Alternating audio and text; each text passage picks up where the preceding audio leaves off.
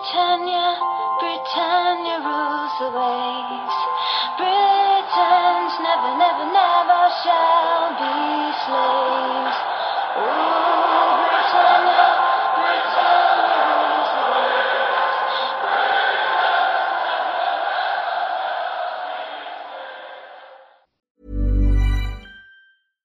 Sandra, and I'm just the professional your small business was looking for. But you didn't hire me because you didn't use LinkedIn jobs. LinkedIn has professionals you can't find anywhere else, including those who aren't actively looking for a new job but might be open to the perfect role, like me. In a given month, over 70% of LinkedIn users don't visit other leading job sites. So if you're not looking on LinkedIn, you'll miss out on great candidates like Sandra. Start hiring professionals like a professional. Post your free job on linkedin.com/people today.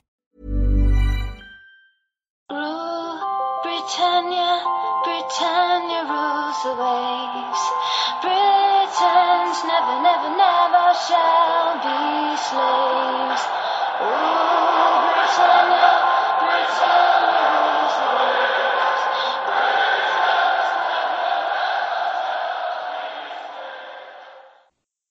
Hej och välkomna till avsnitt 130 utav Svenska FPL-podden. Vi ska gå igenom Game Week 2 och framförallt blicka framåt mot Game Week 3 som är sista omgången innan vi får det här förbannade landslagsuppehållet. Och eh, den här säsongen med covid och så, så ställer det till det lite extra så att det finns en hel del att prata om. Vi spelar in idag, tisdagen den 24 augusti och Eh, agendan för dagens avsnitt är att vi till en början kommer att gå igenom våra byggen. Det är jag och Fredrik som är med er idag. Stefan väljer att inte närvara trots att han eh, faktiskt har högst score av oss alla den här veckan.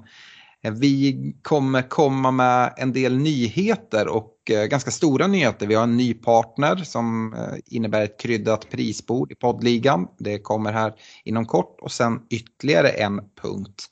Eh, apropå punkter så kommer vi gå igenom veckans punkter. Istället för att köra laggenomgångar uppifrån och ner så väljer vi ut några intressanta punkter från den senaste Game Week som har varit och eh, lite frågetecken och utropstecken som vi sitter och fnular på.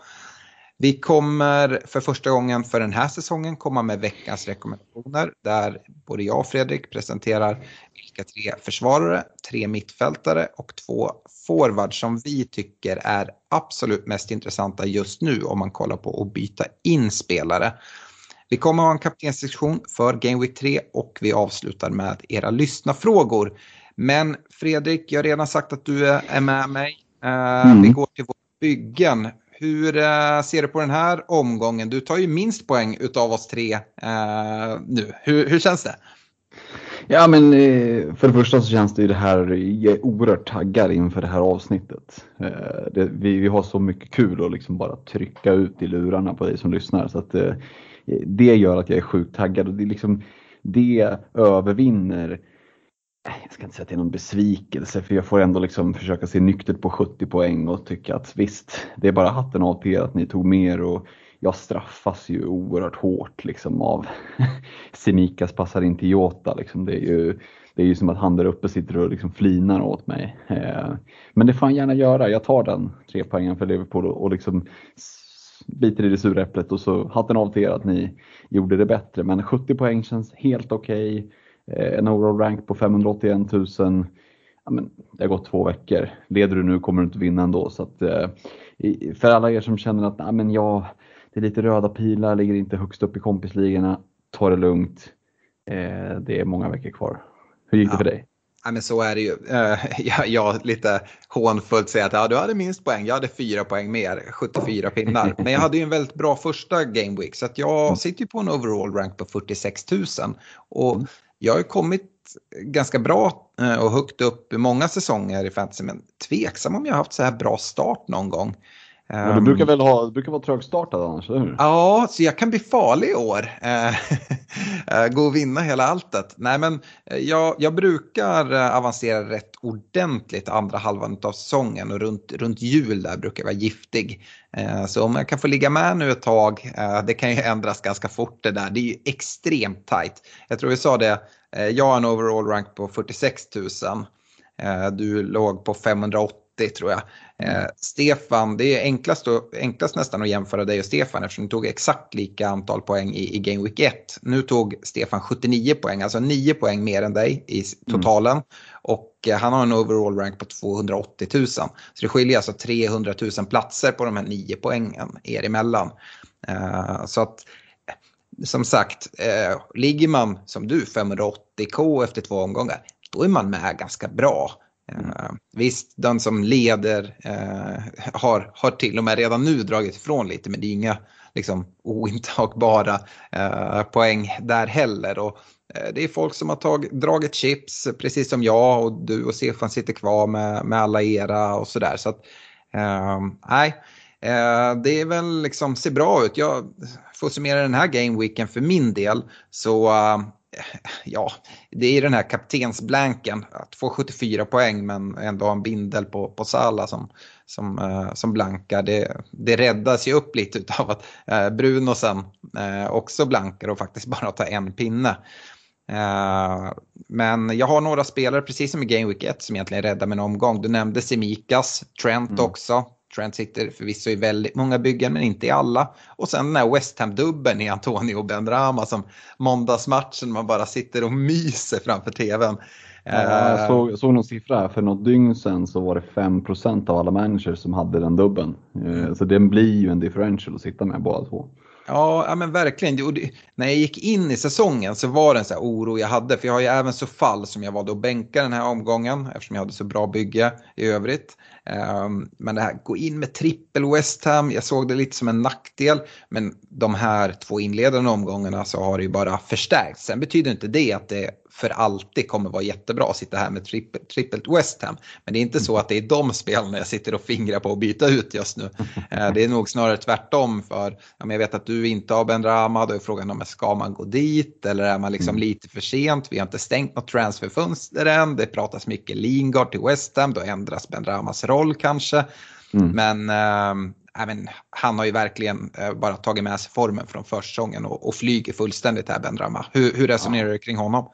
Ja, nej men så är det ju. Det, han är ju inte ens på radarn, han är ju liksom inom synhåll. ehm, och, och, också en ganska, ska vi säga ändå lätt spelare att gå till med en prisnivå, men de allra flesta sitter med någon form av mittfältare eh, i den priskategorin. Så att även om han stiger i värde så har man ändå någon man kan downgrada, ganska många i alla fall har det. Mm. Eh, hur, Men, hur tänker ja. du? Du drog ju av ett byte här i Game Week 1, även du som brukar vara den mest bytesrestriktiva av oss alla. Nu följde ju väl ut med, med Greenwood som enda målskytt i en ganska tråkig historia, United sa 15 där det inte hände så mycket och han kom väl undan med tre bonus med extremt låga BPS-siffror. Ja, vi pratade lite om det. Det måste vara den lägsta eh, alltså BPS-poängen, som den bonusgrundande poängen som jag har sett på hur länge som helst. Och alltså matchen ur Uniteds synvinkel var ju en jättebesvikelse för mig. Mm. Du och jag pratade lite om att det var ju bra mycket närmare att Salah eh, plockade bra med poängen än att Bruno gjorde det.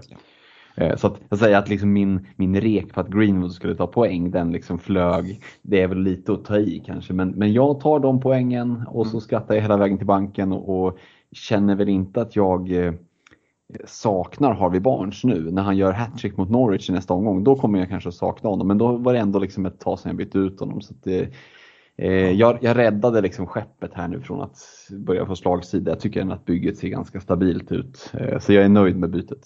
Ja, jag blickar ju framåt den där äh, matchen för, för Leicester och Barnes mot Norwich. Men jag är inte så säker på att han kommer starta. Han har ju gjort en ganska blek insats. Nu är det väl svårt att ta så mycket ifrån eh, gårdagens match mot West Ham när de får den tidiga utvisningen där och det påverkar såklart. Men eh, jag tror hans, hans plats hänger löst och det kommer vara en sån här dealbreaker, ja, men plockar man ut honom nu eller ger man förtroende inför Game Week 3 och litar på att Rodgers även startar honom där.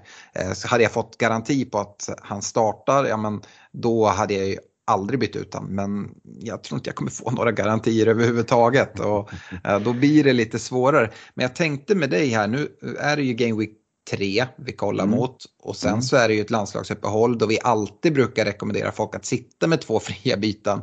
Eh, du gjorde ett byte, du sitter utan Ben Rama nu. Mm, hur eh, känns det med eh, bytesnerverna? Nej men alltså så här, det är inte ofta jag drar fram gamla lumparminnen men det fanns en anledning till varför man utsågs till bästa soldat där på, på LSS i Uppsala. Några, några grejer fick man ju lära sig och växelvis framryckning, då springer du fram, sen stannar du och så väntar du på din tur och så springer du igen. Och nu har jag sprungit fram, nu är det dags att stanna. Inte bara fortsätta springa för då blir du skjuten till slut det gäller liksom att stanna vid rätt tid här och, och i den här gameweeken då är det läge för mig att sitta lugnt. Att, eh, jag ser ju många som, som du som har två fria byten just nu men sitter och gärna vill ha två fria byten inför nästa också. Mm. Och då sitter man i ett sånt där liksom halvläge, ska jag dra ett byte? Ja, då blir det ofta ett sidledsbyte. Liksom så. Man kanske inte vill bränna båda bytena nu för då har man bara ett efter landslagsuppehållet och sådär. Så att jag sitter lugnt i båten och så cashar jag in mina två byten förutsatt att vi inte får någon jätteallvarlig skada på någon av, av spelarna. Men förändras ingenting drastiskt då, då eh, sitter jag med två byten till nästa gameweek istället det är många människor som inte jobbar så mycket växelvis framryckning. Det byts något så in i helvete. Och Stefan, han, han kan inte vara med här idag, men han har skrivit en del till oss. Han är helt hysterisk över hur mycket folk byter och blir stressad över de här prisändringarna som sker. Eh, jag är väl inte riktigt lika stressad som han, men samtidigt det brukar vara viktigt. Vi, vi har väldigt mycket premiumalternativ och, och sådär om man blickar framåt till ett eh, kommande wildcard kanske. Eh, där man kanske vill trycka in tre eh, premiumalternativ och då kommer lagvärdet vara viktigt och lagvärdet är framförallt viktigt så i början av säsongen. Jag är inte mm. lika rädd för de här prishöjningarna som sker på samma sätt som pris eh, sjunk, alltså när de sjunker i pris, mina spelare. Eh, det, det tycker jag är värre än när mina transfermål ökar i värde. Eh, det blir ju liksom dubbelt minus när de börjar sjunka på något sätt.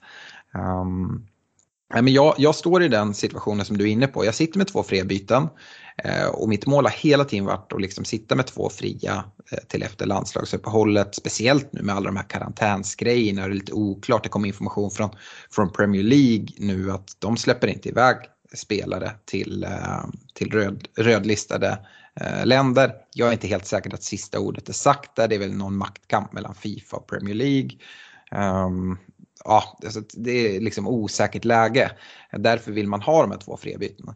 Eh, och ska jag bara göra ett byte, ja men då blir det förmodligen något så här tråkbyte att göra eh, ja, men Semikas till någon annan 4,0 back då, då jag tror att Semikas kanske har gjort sitt. Det kommer komma mer till det när vi går in på veckans punkter. Men det är också ett ganska tråkigt byte, det är ändå en spelare jag förmodligen bara kommer ha på bänken i Game Week 3. Samtidigt vill jag attackera. Och vill jag attackera, ja, men den jag vill gå då till, det är Calvert Lewin i Everton. Jag tycker han ser mm hur bra ut som helst. Sen är det mm. svårt att motivera då ett byte från en Antonio eh, eller även en eh, Callum Wilson som blankar den här gameweeken men som ja, var väldigt nära att, få med sig en hel del. Eh, men I, både eye-test och, och, statistiken säger samma sak. Calvert Lewin är en fantasystjärna. Nu tar han dessutom straffarna i Everton. Och jag, jag vet liksom inte. Visst, jag har Tony där på en tredje plats som många kollar på att byta ut. Jag tycker inte han är ett problem att sitta med. Men visst, jag hade hellre haft Calvit Lewin än Tony. Men vart ska jag hitta de pengarna? Ja, det, det, det är oklart hur jag kommer göra. Mm. Uh, ja, nej, jag vet inte. Sen så går det någon så här hype train för, för Chelsea. Det kommer vi också prata om i veckans punkter. Måste man hoppa på nu eller kan man avvakta? Uh, ja, vi kommer dit. Uh, ja, vad, vad, är ditt, eh, för ditt privata lag, liksom, dina största bekymmer eller eh, ja, problem? Nej, men det är ju det som är grejen, jag tycker inte att jag sitter på några större problem nu. Man kan se en Lucas Ding som, som ett problem som har tagit två, ja men blankat första och tagit noll poäng i andra. Men som du säger, någon ska ju slå de där inläggen till Calvert Lewin också. Spelschemat ser bra ut. Eh, visst, jag har ju mycket pengar uppbundet i min backlinje och det är det som skulle kunna, att det blir lite liksom snedlastat så. Speciellt när man, när man ser liksom great halls från, från eh, Lukaku och ja, Greedish börjar i mål och sådär. Men, men, i övrigt så känns det som att men, du är inne på en Calvert Lewin, det är omöjligt att inte komma in på honom. Men för min del så, men, han kostade 8,0 från början, nu är han uppe i 8,2 kanske redan. 8-1 va, men han stiger väl till 8-2 i natt skulle jag tro. Ja, men precis. Så du, du som lyssnar på det här tycker förmodligen, sitter förmodligen och stirrar på en skärm med, med 8,2. Jag känner mer sådär med en sån som Kevin Loon att jag är beredd att betala 8,5 för honom. Mm. Eh, sen vill jag in honom tidigare än så. Eh, men, men, för mig är det värt att räkna med den extra 0,5 eh, och räkna honom som en 8,5 och så tjänar jag snarare några, mm. några liksom tiondelar på det. Så att jag, precis som du säger, det är ju mer oroväckande om du har ett bygge där folk börjar tappa värde till höger och vänster. Mm. Eh, för, för transfermålen kommer att ändras, även om kanske just Calvert Lewin kommer att kvarstå. Så, alla kommer ju inte att flyga en hel säsong. Eh, det kommer att gå i perioder. Så att, ehm, sitter man liksom ett bygge där det inte är några större bränder, då kan det också vara läge att bara lugna ner sig. Eh, och du sa ju det, Stefan var ju riktigt inne på mm. liksom, att trycka av byten till höger och vänster. Och det är ju många som gör det, men minuspoängen kommer ju som ett brev på posten och du var ju inne på det förut att jag är ju inte någon fan av, av minuspoäng.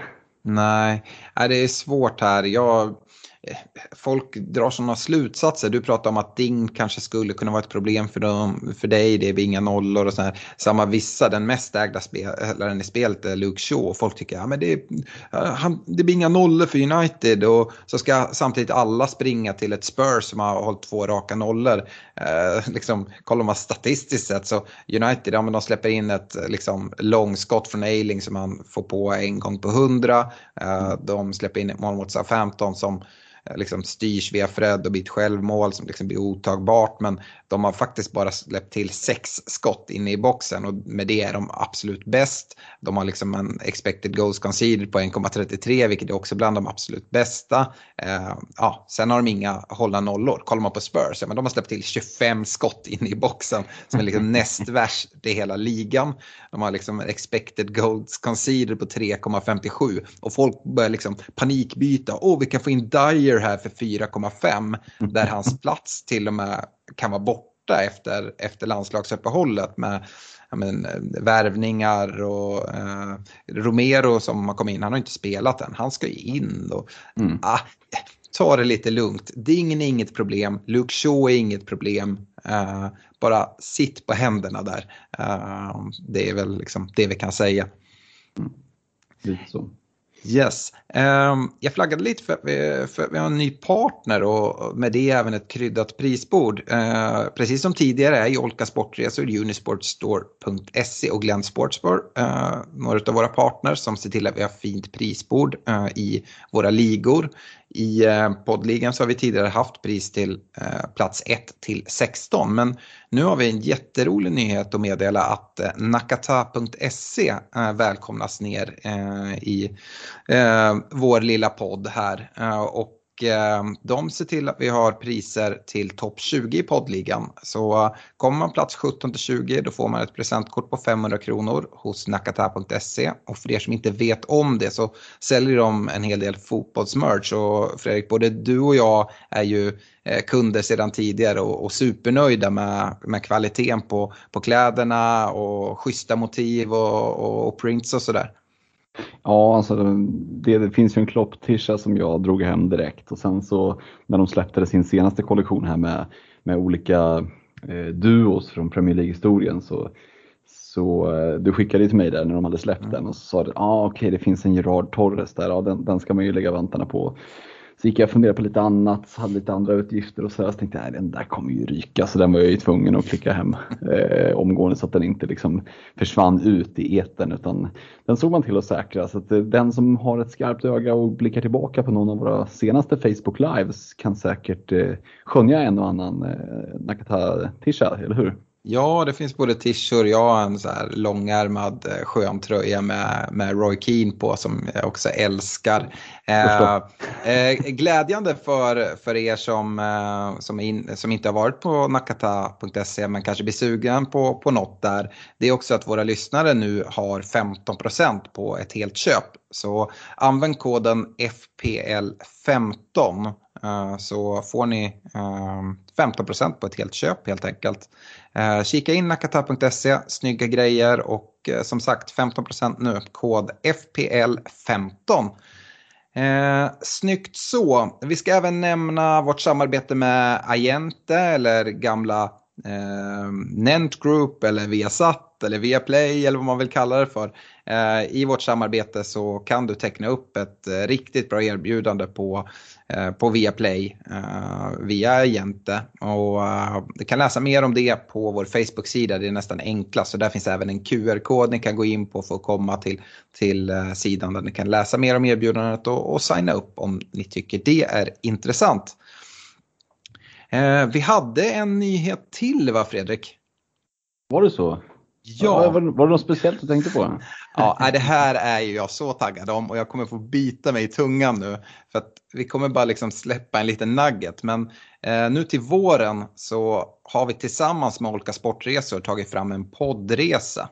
Så du, jag och Stefan åker iväg till England med ett, eh, ett rejält gäng. Vi blir väl eh, runt 40 personer. Det är begränsat antal platser. Exakt vart resan går håller vi på en vecka. Eh, men allting är spikat och vi har faktiskt tidigare idag släppt till våra Patreon-följare eh, exakt vart resan går, hur man bokar och sånt. Jag tror att sidan, eh, eller resan öppnar för bokning imorgon, onsdag, för våra Patreons och för att de ska få en första king där. Är ni intresserade av att höra mer vart resan går, vad som är inkluderat och, och sådana här saker så signa upp och bli Patreon, stöd vårt arbete.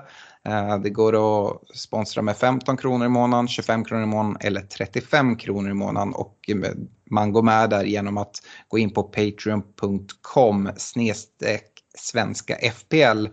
Och eh, Fredrik, eh, man får ju lite sådana här eh, Eh, man får reda på saker lite innan och får boka grejer lite tidigare. Vi ska ju bland annat ha ett FPL-event nere i Göteborg här till hösten, 16 oktober hos Glenn Sportsbar kolla fotboll, dricka öl, köra lite quiz och lite sådana här saker. Fina priser. Eh, det öppnar vi också upp för, för våra Patreons först. Eh, men det finns andra, andra fördelar med att gå med som, som Patreon.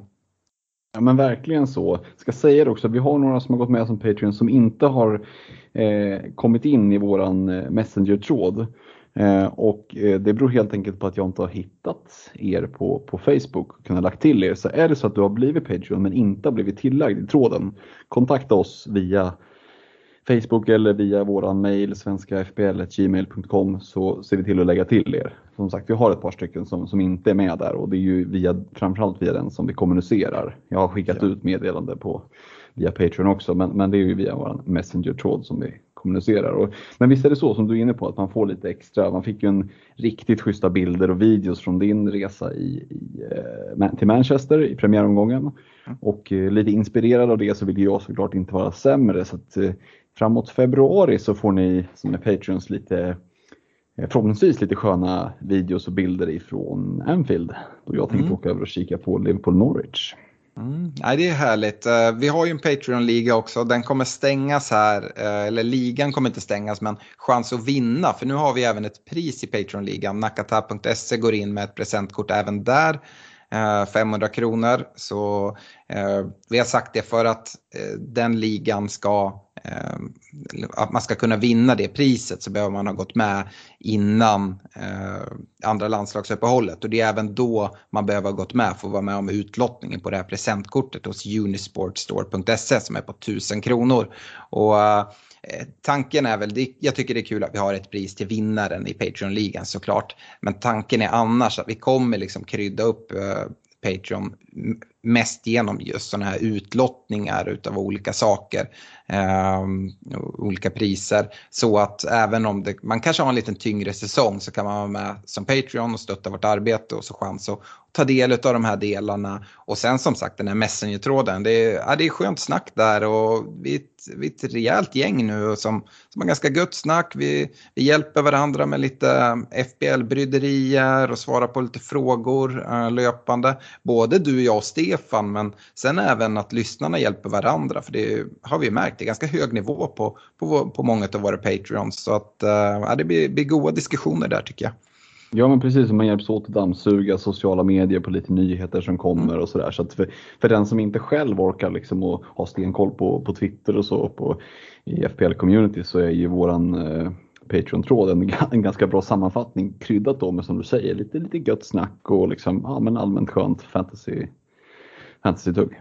Ja, men framförallt om ni vill veta vart poddresan går och få informationen eh, och slippa vänta en vecka på nästa avsnitt så eh, ja, se till att gå med som Patreon så, så kommer informationen där och så kan ni boka innan resan tar slut och blir fullbokad. Eh, Innan vi hoppar in i veckans punkter är det en sista grej jag vill nämna.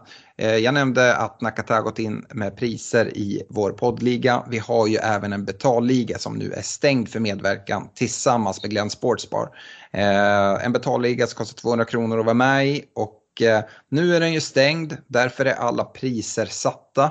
Eh, huvudpriset är ju satt sen, sen, tidigare och omgångspriserna och vi har även kommunicerat ut att den som har säsongens bästa Game Week kommer vinna ett Playstation 5. Men det som jag tycker är roligast med den här ligan det är ju månadsresorna. Och eh, det kommer bli sex stycken månadsresor det här året, eller den här säsongen. Det första priset tävlas ut i oktober månad och då får vinnaren tillsammans med en valfri kompis åka flyg, boende, matchbiljetter till Paris för att se Messi och grabbarna kicka lite fotboll.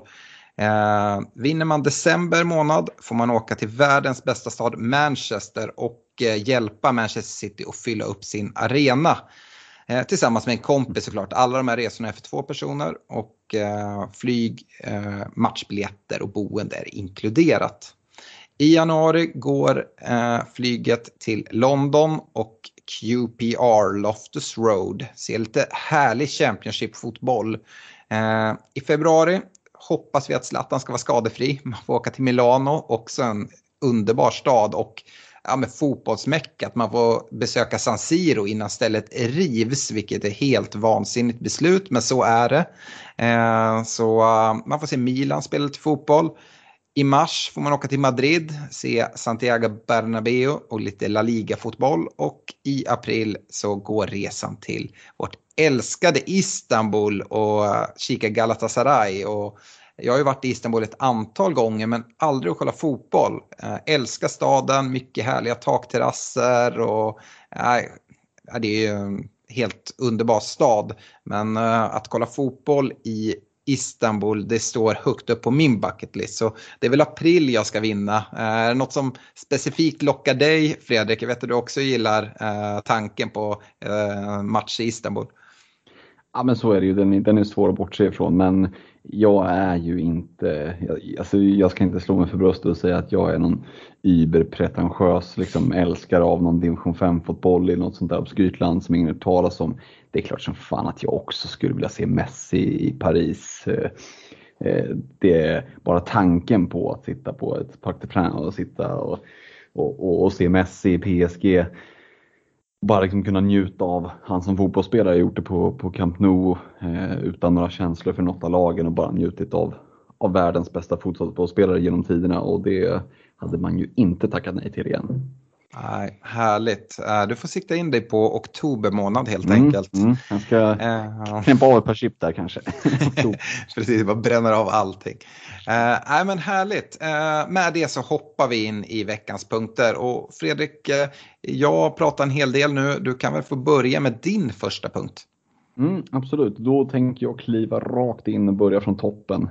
I alla fall vad det gäller prisnivåer på, på mittfältet och det är ju Mohamed Salah. Eh, och det här är väl dels liksom Sala och sen är det väl vid sidan om lite också då Bruno Fernandes. Eh, hur hanterar man det här nu? Eh, som vi var inne på i inledningen där med, med karantänsregler och så och Premier League nu precis när vi, innan vi har spelat in här kommunicerat att nej men vi kommer inte släppa någon spelare. Precis som du tror inte jag att sista ordet är sagt här för att eh, ja, men Premier League de, de, jag ska inte säga att de pissar, men de, de, de drar ju en rejäl liksom, spottloska i ansiktet rakt på Fifa och hur kommer Fifa att hantera det? Kommer de bara liksom sänka blicken och köra lågaffektivt bemötande? Ja, tveksamt. Det, det är ju upplagt för en, för en ganska, liksom, ett ganska infekterad liksom, situation kring det här. Och vi diskuterade lite innan vi började spela in här, vad känner spelarna egentligen? Det är ju inte så att det här är träningsmatcher liksom, eh, utan det är ju det är VM-kval. Eh, och ta en sån som Mohamed Salah, det är klart som fan att han vill spela VM i Egypten. Eh, det står nog jäkligt högt upp på hans lista. Eh, alltså, jag tror inte att han bara tänker bort ett VM-kval. Å andra sidan, han vill väl inte och hans entourage vill väl inte hamna i bråk med klubben. Han vill såklart säkert, han vill ju inte missa någonting av Premier League-säsongen men den där starka ändå viljan att spela för, för landslaget tror vi ju ändå finns där. Så att, ja, var landar det här någonstans? Landar det i att liksom, ja men Fifa har ju sagt att eh, men Premier League-klubbarna kommer inte att kunna hålla eh, spelare Eh, från att åka iväg bara för att de ska åka till såna här rödflaggade länder då som, som kräver karantänregler och så. Så försvinner Salah och är borta två, kanske till och med tre game weeks eller två game weeks och någon mer match i alla fall. Men då pratar vi på allvar om att det kan vara värt att, att plocka ut Salah. Mm, jag tror vi var många som var där liksom innan de här första nyheterna började flaggas upp som vi redan pratade om i förra podden. Att ja, man kanske skickar ut Salah för det är så onödigt att ha de pengarna om man ändå kommer vara borta. Och det lät ju som att ja, men, så är det, det går inte att gå emot de här reglerna. Och kanske plocka in en sån som har fina matcher och bra kaptensläge på honom och sen kan man byta tillbaka. Jag har övergett de tankarna helt av flera anledningar. Men eh, nu låter det ju verkligen Premier League ganska tydliga med sitt uttalande. Eh, som sagt, sista ordet är inte sagt men ändå. Eh, du är inne på det att att Salah, men han vill såklart spela VM med Egypten. Jag vet inte, jag har inte järnkoll på egyptisk fotboll. Det är ju en stor fotbollsnation i, i Afrika. Men jag kan inte på något sätt se att de Eh, bara springer hem ett afrikanskt kval eh, utan en Mohamed Salah i, sina VM-kvalmatcher. Eh, skillnad är det kanske med Brasilien som, liksom, ja, men, visst, Sydamerika, det finns bra bra lag som de konkurrerar mot men att de ska ta en VM-plats det tror jag nog att de, de gör även om inte absolut varenda spelare i deras första elva är på plats. Um, jag, jag tycker att det är intressant och följer det här väldigt intensivt. Eh, det gör ju att man blir lite så här hur man ska göra med byten. Nu pratar vi liksom eh, Salah då, vilket är ganska naturligt. Men det gäller ju även spelare som ja, Rafinha, eh, som brasilianare och förmodligen liksom ska iväg på landslag om inte Premier League sätter ner foten. Han, han vill jag ha in. Eh, det påverkar liksom eh, hur jag ska tänka med byten och det bästa är väl att avvakta. Samtidigt så som sagt blir man stressad precis som Stefan av de här prisjusteringarna om man vill haka på. Och, ja, det, det är mycket, mycket struligt det här och jag tror inte att vi kommer ha besked exakt på vad, vad som kommer hända eh, när, när Game Week 3 kickar igång ens. Eh, Nej, och, och, det är ju ett väldigt starkt argument för att sitta med två fria byten inför Game Week 4. För sitter du då med två fria byten och saker och ting, liksom, men du vet, the shit hits the fan liksom, och, mm. och, och allt bara skiter sig. Eh, då kan du dra ett fattigmans wildcard, det vill säga tre byten för minus fyra. Och då kan du ta den minus fyra och med tre byten kan du ju ändå liksom oftast, jag menar, måste du jobba ut spelare som Salah så då finns det ju stålar och, och, och jobba med. Så att, eh, det är ganska tungt att sitta med ett fritt byte och, och, och liksom mm. Allt skiter sig för Ghana tänkte jag säga, allt skiter mm. sig för bygget eh, mm. inför Game Week 4. Så att, eh, jag ser det som en jätteanledning att faktiskt se till att sitta på, på två fria inför Game Week 4. Och, och kan inte wastea liksom läget att ja, spela offensivt nu. För det är klart att det, vi får ju gå på det Premier League har sagt nu. Mm. Eh, de har ju ändå spänt bågen och det är klart att på samma sätt som att Fifa inte vill bli liksom en spott i ansiktet så Premier League, ska de ta tillbaka det här nu och erkänna sig besegrade? Det är ju en, det är en maktkamp där det är ju inte, även om Fifa är en stark spelare så är inte Premier League världens bästa liga. Det är inte så att Fifa har, jag tror inte de är supersugna på att hamna i en jättekonflikt med Premier League. Det kan ju vara så att Fifa bara, hm, vi skiter i det här och så liksom mm. försvinner lite med svansen mellan benen och Premier League håller det här och spelarna är kvar. Och det är klart, då blir det tvärtom. Då får de ju lite vila och träning och liksom kommer i matchtempo och då blir ju en sån den som redan har varit liksom jättetrigger happy och klickat ut Salah ur laget eller hade ens den tanken, ja vi får ju tvärtom överge den och så är det ju snarare så att kanske det ska in ska börja bindlas oavsett matcher. Liksom. Det blir ju lite av en gissningslek vad som kommer hända men jag funderar på, det, det, låter ju helt sjukt i en sån här pandemi, men jag tror till och med att det, kan, det, det mest troliga, det kanske är att det blir någonstans någon liksom gyllene med, den vä, medelväg som säger att ja, men, ja, det här gäller fortfarande med, med rödlistade länder. Men de ändrar liksom vilka, vilka länder som då klassas som rödlistade lite kopplat till det och att spelarna kommer åka iväg. Men de kanske undantas från de här eh, isolationsreglerna och karantänsreglerna när de kommer tillbaka till England på grund av att de lever i någon form av fotbollsbubbla, bla bla bla. Eh, vilket jag inte är helt säker på att de kommer göra när de är iväg med sina, sina landslag som kanske inte har samma resurser som, som deras klubblag i alla fall. Eh, men ja, vi får se vad som händer. Eh, men precis som du är inne, vår rekommendation, avvakta, håll i byten om det går och eh, håll er uppdaterade. Ehm, så ja, får man ta det därifrån helt enkelt. Mm. Ja, hade du någon punkt som du funderar på? Ja, och en grej som är anledningen till att priser stiger åt alla möjliga håll, det är ju ett lag som Chelsea.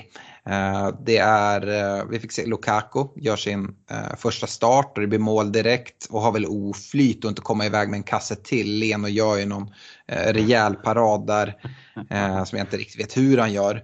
Uh, och folk börjar kasta sig på hur ska jag få in Lukaku, eh, märker det även på lyssnarfrågorna som vi får in.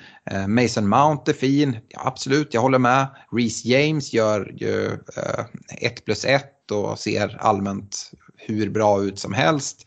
Och ja, vi måste liksom, måste hoppa på Chelsea-tåget nu, nu, nu. Är det så, eller är det som vi hade sagt från första början att spelschemat är ganska tufft för Chelsea och de första sex matcherna är tuffa. Sen vänder det rejält vid Game Week 7 då många då har liksom planerat att dra sitt wildcard inför och kanske trippla upp Chelsea och sådär. Ehm, jag vet inte vad du säger Fredrik, men jag fortsatt liksom lutar om en grundläggande plan. Ehm, jag hoppar inte mot någon Lukaku i det här fallet. Jag tycker han ser jätteintressant ut. Men blickar jag framåt, ja, men de kommande fyra matcherna då som, som är de tuffa, men det är Liverpool borta nu i, i Game Week 3. Eh, sen är det fullt eh, efter landslagsuppehållet med en hemmamatch mot Aston Villa som är helt okej. Okay.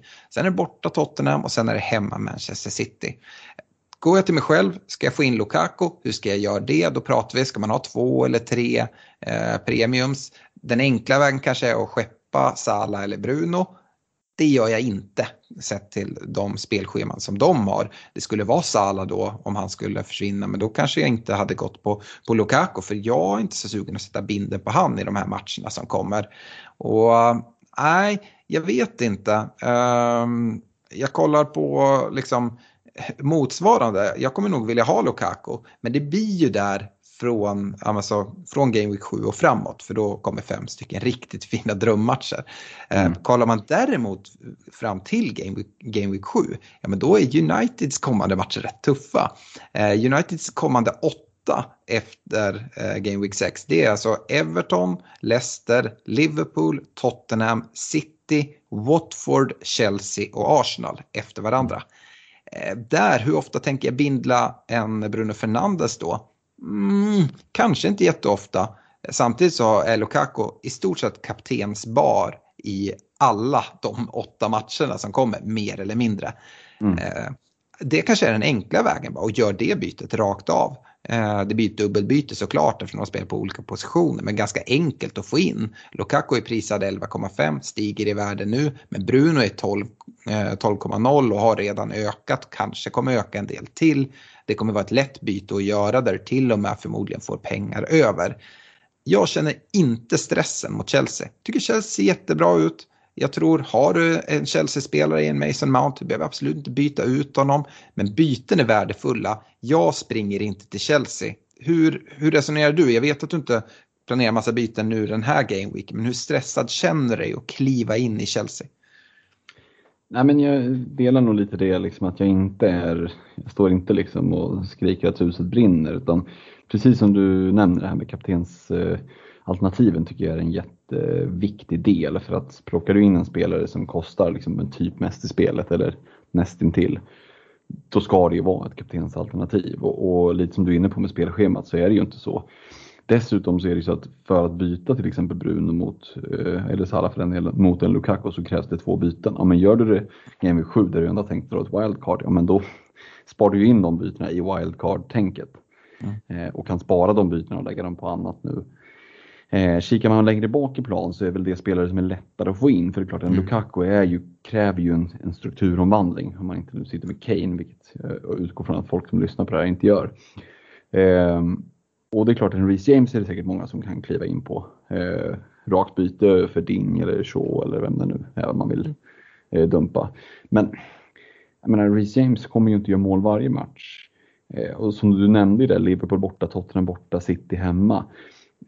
Det är klart att de kan hålla nollan, men vad är, är oddsen jättebra? Nja, skulle jag inte säga. Sen är ju den här tombolan någonting vi inte får glömma bort. Bara för att du gör en kanonmatch, alltså Chelsea har ju ett lag där, om du bortsett från Lukaku, så har de ju två spelare på varje position. Mm. Eh, och Reece James är en offensiv spelare. Kommer han att spela ytterback eller kommer han att sätta Aspelekueta där mot ett tuffare motstånd? Och så kommer Reece James att spela, ja men du sa ju det, från Game 7, Southampton och Brentford och Norwich. Mm. Ja, då vill jag gärna ha en Reece James för då tror jag han kommer att, att forsa fram. Men jag är inte så säker på att det är han som spelar eh, wingback onan han spelar och spelar med wingbacks eh, mot de här lite tuffare lagen. Så att, med det summerat delar jag nog din liksom, inställning om att det är klart att de kommer stiga i värde eh, och de kommer ta poäng. Men nej, jag sitter tom på Chelsea-tillgångar idag och jag, det är nog ganska sannolikt att jag kommer att göra det fram till Game Week 7 också. Mm. Min största avrådan är egentligen att springa mot Lukaku. Eh, jag kan köpa att man kliver på James. Jag håller med dig om tombolan och framförallt nu. Eh, Aspelekueta har ju framförallt spelat mittback men vi har transferfönster som fortfarande är öppet och eh, en Jules Koundé från Sevilla ryktas vara mm. extremt nära Chelsea. Han ska in där i mittförsvaret och det tror jag är för att eh, Torshäll känner att han vill ha ett ytterligare ytterbacksalternativ på högersidan. Just nu är James ganska ohotad där ändå skulle jag säga. Ehm, men han kommer inte vara ohotad, det kommer han inte. Han kommer inte spela varje match. Jag tycker inte det är ett jätteproblem för jag tycker han är så extremt fin. Och för 5,5 eller även om han har stigit lite nu så är det ett bra alternativ. Jag kan tänka mig att ha han bänkad och det finns bra billiga försvarsalternativ också att ha på bänken som kan kliva in de gångerna. Uppsidan med hans offensiva potential och Chelseas möjlighet till nollor. Framförallt där vi från Game Week 7 och framåt med det fina spelschemat. Ja, men det väger faktiskt över att han får eh, gå in i tombolan och dra en bänkplats eh, lite när som helst. Eh, han kommer ändå spela mer än vad han sitter på bänken, det tror jag. Mm. Så länge han spelar som han gör mot Arsenal i alla fall. Sen så skojar jag lite med, med Stefan och sa så här, absolut Chelsea ser bra ut men de kommer inte möta Arsenal varje vecka. Eh, och det är, det är faktiskt sant. Eh, vi kanske ska släppa Chelsea där, men jag tycker det är tankarna. Eh, mm. Går man in på en Mount eller en James, absolut, för det ställer liksom inte hela allting upp och ner. Men även där tycker jag liksom, det finns ju andra bra alternativ som har bättre spelschema än Chelsea, även om Chelsea ser bra ut. Så jag vet inte om det är de första spelarna jag skulle gå mot och byta in just nu. Men det är mer någonting jag förstår snarare än att springa på Lukaku. Ehm, ja, Fredrik, ehm, något annat lag eller spelare som du vill rikta in dig mot? Ja, men vi kan väl fortsätta eh, på, på temat eh, titelkandidater som man inte sitter liksom så tungt lastade på till, till, eh, till Man City. Ehm, en del sitter på Mares, en del kanske har Graylish. Någon har en Diaz, kanske en Cancelo. Men det är ju på den nivån och det är ju ändå ganska anmärkningsvärt med tanke på hur överlägsna, de har vunnit ligan tre av de fyra senaste säsongerna och varit relativt överlägsna, både framåt och bakåt. Eh, det finns tillgångar som är ja, men rimligt prissatta och ändå sitter vi här och är så tunt lastade får man väl ändå säga. Då talar jag för, för dig och för mig och för Stefan och säkert för många av lyssnarna också. Um, så det är ju ändå någon form av huvudbry. Och vi var väl ganska överens om att man inte springer mot Chelsea-spelarna så här rakt av. Och för min del gäller väl det till viss del även för City. Men här kan jag ändå känna, liksom, nu gjorde ju Jack Grealish en jävla icke-mål och, och, och sen ville han inte lyssna på tystnaden på, på jag vet inte vad han höll på med men sak samma. Målet gjordes, han kostar 8 miljoner jag är nästan mer rädd för City faktiskt än vad jag är för, för Chelsea de här närmsta omgångarna. För, ah, fasen, nu okej, okay, de mötte Norwich, eh, men eh, Ja, jag vet inte. Apropå att möta Arsenal varje omgång, de ska ju möta just Arsenal. Vad, vad, vad säger du inför den? Det är ju en jättebra match för City. Mm. Eh, är det, och det är inte mot Arsenal på något sätt men de har ju också en hel del problem nu med, med covidfall och andra bortfall från, från spelare. De har ganska mycket problem med Arsenal och Arteta är pressad och uh, jag tycker det här är en kanonmatch för City. Uh, sen så är det ju alltid det där och anledningen till att man har suttit och gått utan det är ju den här rotationen. Vi pratade om tombolan i, i, i Chelsea och här är ju liksom rotationen i uh, hos det är rouletten här i City. Ja, men verkligen. Och, eh, Samtidigt, jag vet inte hur mycket man ska vara rädd för. Vi såg nu mot, mot Norwich och det har vi pratat om tidigare också. Både Mares och Sterling kommer in och gör mål från bänken. Eh, och det är det man kommer få från de här. De kommer inte vara i elvan alltid. Och det som är jobbigt med det, det är kaptensbindlar. Men man kanske inte behöver sätta binden där och framförallt om man går på ja, men en, en Grealish eller en Mares. De är inte uppe i samma priser som de här Bruno, Sala, Lukaku där jag känner att jag måste ha binden varje vecka. Men att ändå ha någonting där, det är skönt. Jag är väl, jag lutar väl mest mot en, eh, en Jack Grealish i alla fall. Uh, i, i City. Jag, jag har ingen just nu jag, jag, har andra problem så att säga. Så jag kollar inte ditåt men det är någonting som kan straffa mig. Och varje game week sitter jag där och gör något så här, ja, men vad är mina största hoten i omgången? Och då är ju City alltid där. Mm. Um, men jag tror inte att det kommer sättas jättemycket kaptensbindlar i Manchester City som det är just nu. Um, och då klarar man sig lite undan. Um, men sen vissa omgångar kommer man få sig en rejäl smocka men det kanske man får välja att bara ta. Uh, det är lite så jag, jag tänker just nu, men närmast är en, en, en Grealish för min del. Uh, är det någon annan City-spelare du har kollat mer mot eller är det Grealish även för dig? Eh, nej men det, det, är Grealish och, och, det är ju mycket liksom också lite så cover pick. Att jag tror ju att han kommer kunna göra det bra, han kostar 8 miljoner, det är 22 procent i TSB.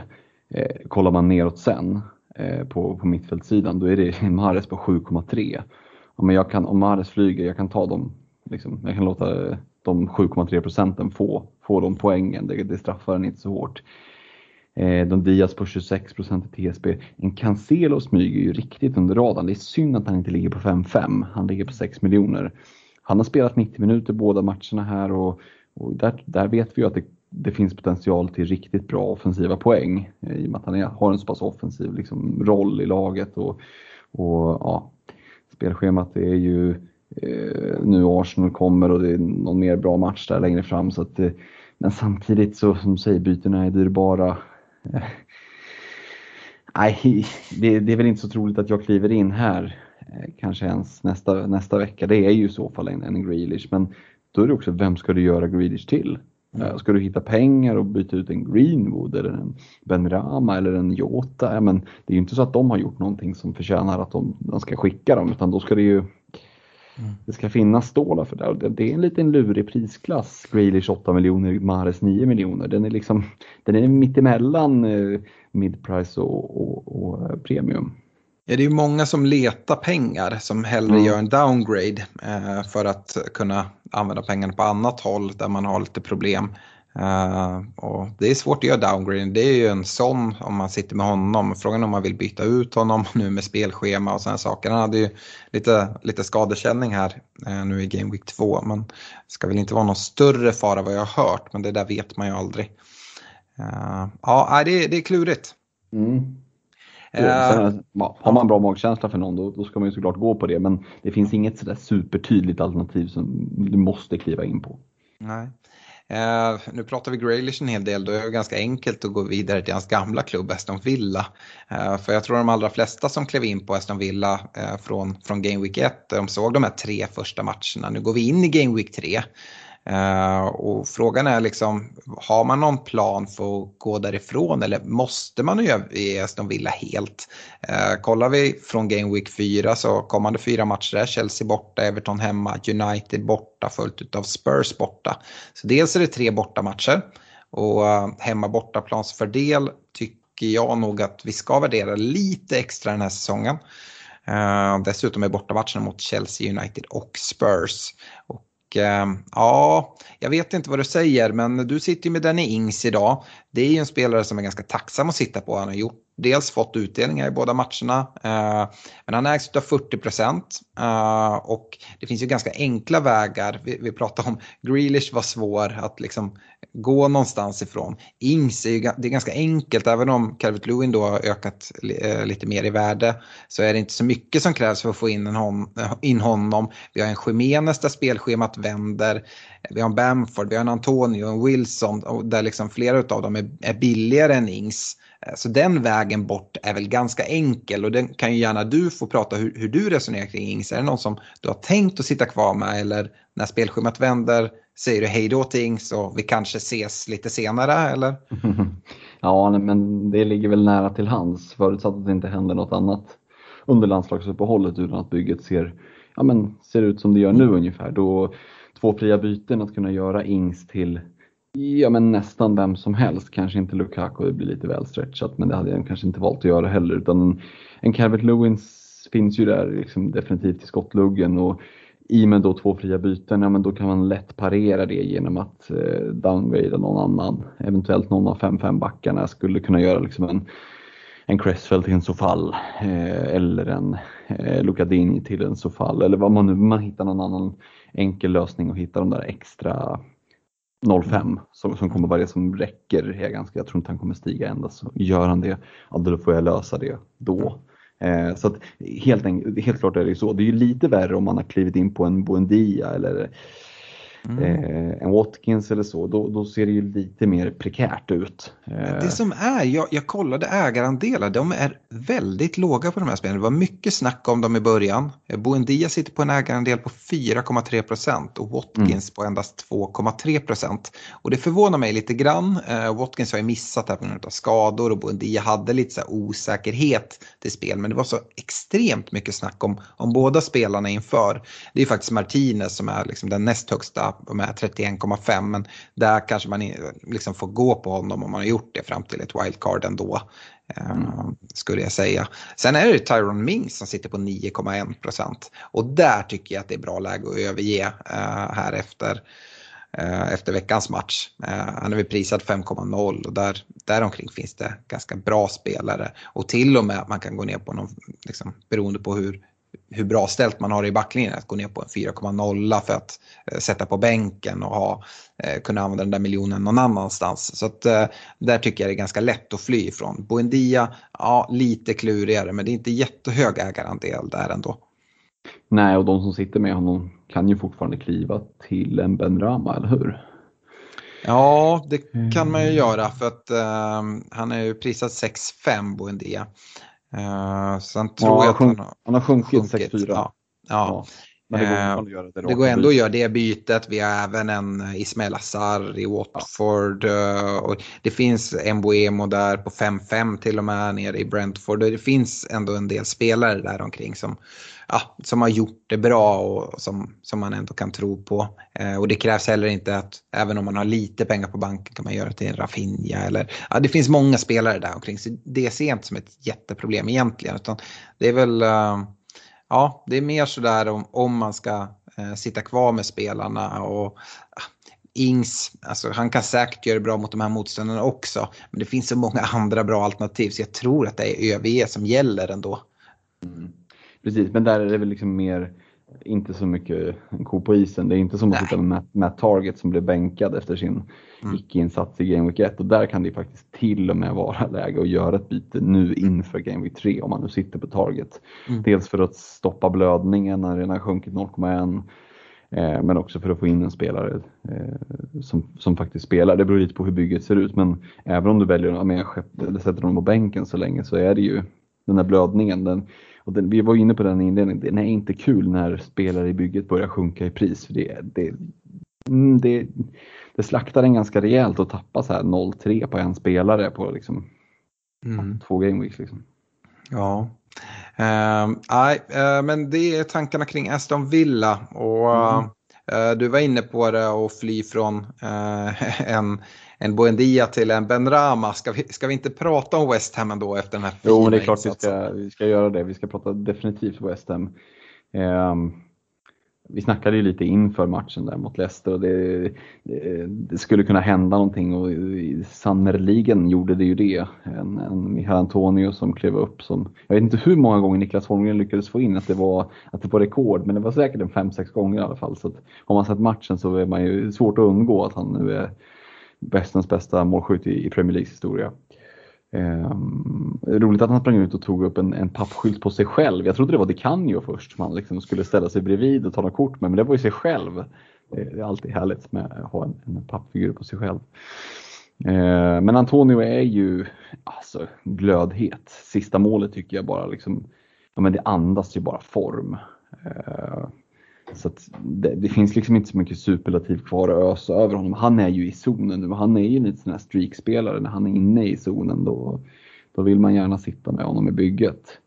Eh, ben Rama lika så. De två har ju, precis som du var inne på där, att ja, men de är ju de som har gett dig i stor, väldigt stor utsträckning den, den fina starten. Och, och Fördelen med båda två är att det är ganska lätt att kliva in på dem ändå får man väl säga. Eh, ben Rama väldigt generöst prissatt. Eh, och Antonio visserligen stigit till 7,6 kanske han är uppe i. Eh, men för den som har 0,5 på banken och förmodligen sitter med en 7,5 anfallare, vem man nu sitter med, så, och känner att man vill kliva in så, så går det ju fortfarande att göra det. Och jag tycker vi ska prata lite om West Ham kring att det är inte så att partyt är över utan jag tror att det här har väldigt goda chanser att fortsätta. Man möter Crystal Palace hemma nu i Game Week 3, Southampton borta i Game Week 4. Visst, har man United hemma i femman, men Leeds borta, Brentford hemma. Fyra av de fem kommande matcherna är riktigt fina. Eh, och fram till Game Week 7 där vi har pratat om ett eventuellt wildcard. Ska man göra ett byte, ja då tycker jag att det finns väldigt fina alternativ. Det finns både ett, två och tre alternativ. För då har vi inte ens nämnt Sofallo och Cresswell eh, i backlinjen som båda är prisvärda. Så att, för mig är bara West Ham ett jävla, det är liksom göttebord av, av eh, fantasy-tillgångar och det är bara roffa åt dig det du kan bära. Liksom. Jag vet inte om du lär väl hålla med som sitter, som sitter investerad redan. Ja, och jag tror vi fick någon lyssnarfråga här också till dagens podd om att är det för sent att hoppa på Antonio? Nej, det är det verkligen inte. Om du har gjort misstaget, jag säger verkligen misstaget att inte kliva på från början. För där var väl både du, jag och Stefan väldigt överens när när säsongen drog igång. Att det är liksom den spelaren på, på forwardspositionerna som ja, har suttit i bygget från liksom dag ett. Man har bara följt mm. så, här, så bara han inte blir skadad. För när han är hel då, då, gör han ju poäng. Visst, ja, det finns ja. orosmoln inför Europaspel och liksom hur han ska klara det. Men så länge killen är hel och framförallt nu liksom när han är inne i den här zonen. Man ser verkligen han och Ben Rama, de trivs verkligen att spela tillsammans. Eh, så vi får se. Jag pratar ju om att eh, Jesse Lingard kan komma och störa Ben Ramas position i laget. Så där. Ja, absolut, det kan ske. Eh, men det skulle kunna vara så att West Ham väljer att inte gör, gör den övergången, även fast de hade velat göra den för att de ser hur bra det här flyger. Och även om Lingard kommer, det är inte självklart att Ben Rama liksom ska, ska ut från elvan eller flyttas i position, utan så som han spelar just nu så aj, han och Antonio gillar att lira tillsammans och aj, det, det är bara härligt att se tycker jag. Mm. Sen tycker jag en väldigt viktig poäng i det här är också att precis som du nämner, men det finns lite liksom, eventuellt kommer Lingard in. Jag tror bara att det är positivt för en sån som Antonio att liksom ytterligare en spelare som om han är i form kommer kunna leverera bollar. West Ham känns ju väldigt trygga i sitt spel. De har liksom Sofal Cresswell i sina givna ytterbackar. De har Zuzek och Rice som två sittande. Den här 4-2-3-1 känns ganska satt. Jämför det med, med, med Game Week 2-motståndaren i Leicester där, där man har en, eh, en Dacca och en Ianacho på bänken och så har man en Barnes och Madison på plan. Och för mig så är ju liksom de två paren, men de är gjorda för två helt olika spelsätt. Eh, du kommer aldrig kunna hitta en linje, en startelva där du får in alla fyra, speciellt inte om du ska ha en Jamie Vardy på plan också. Och hur ska du få ihop det där? Det känns som att mycket svårare i ett lag som Leicester att få till strukturen. Eh, vi pratar ju ofta om strukturer i fantasybygget men även liksom ett, ett riktigt fotbollslag behöver ju ha en struktur och där känns det som att ja, men det, man får väl liksom lyfta på hatten för en David Moyes för är det någonting han har fått till så är det ju en väldigt, väldigt tydlig struktur i laget. Så att kliver Jared Bowen ut och Jarmolenko kommer in, ja, men det förändrar ingenting i strukturen. Det bara fortsätter att komma in inlägg som Antonio liksom biljardstöter in i ena hörnet och så, så sitter man där och, och kammar in poängen. Mm. ska väl även nämna det att det ryktas en hel del om en Kurt Zuma till, till West Ham mm. också. Uh, och det är väl någonting som egentligen bara förstärker uh, Cresswells intresse. Mm. Uh, tänker jag. Det säkrar hans ytterbacksplats än mer. Uh, han har ju fått kliva in i, i den uh, centrala positionen och vi såg han väldigt mycket där förra säsongen och det skadar inte honom fantasymässigt jättemycket. Men om jag personligen får välja, ja, men då är jag hellre honom som en wingback uh, mm. alla dagar i veckan. Så att det, det är egentligen bara positivt för, för Cresswell skulle jag säga. Ehm, yes, uh, sista punkten då. Och vi har pratat om att frigöra pengar och lite sådana här saker. Och jag tänkte vi skulle prata 4,0 försvarare. Uh, eh, och då pratar jag spelare som börjar på 4,0 för vi har sett en del öka i värde. Till exempel en Semikas i Liverpool som ägs av 30 procent. Uh, har ökat till 4,2 nu. även fast alla som jag pratar med, som är lite insatta i fantasy, förstår att ja, men hans tid är nog kommen här nu. Robertson satt på bänken senast och eh, kom in. Eh, visst, det kan komma någon setback och sådär. Eh, Semikas, jo men det hade väl inte varit helt omöjligt att spela Game Week 3. Jag tror inte att han kommer göra det. Det är mot Chelsea, det ska stängas igen. Semikas styrkor ligger i sin offensiv. Eh, även om Robertson hade varit borta hade jag inte alls varit förvånad om Milner hade tagit den platsen före Semikas. Eh, där man vet mer vad man får defensivt och, från hans jobb. Eh, jag tror att Semikas har gjort sitt. Han har gjort det jättebra för de som har ägt honom. För mig till exempel, de här två game weeksen. Och eh, det är bara att tacka och ta emot. Eh, han har dessutom stärkt sina chanser att få, få speltid under säsongen. Det tror jag. När det ska roteras och sånt så tror jag Klopp känner sig trygg med, men kanske när det är Champions League-matcher och sådär, att ge Semikas lite tid. Om det blir i Premier League eller Champions League, ja men det beror kanske lite på vad det är för typ av match och sådär. Eh, så jag tror inte han har gjort sitt sista Premier League-framträdande för den här säsongen. Du, får rätta mig om jag har fel nu här, Fredrik, om du tror något annat som Liverpool-supporter.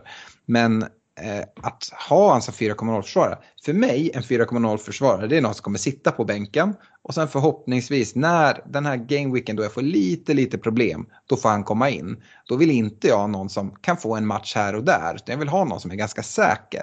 Och kanske är det läge att göra de här tråkiga bytena nu och gå från eh, en 4,0 försvarare till en annan.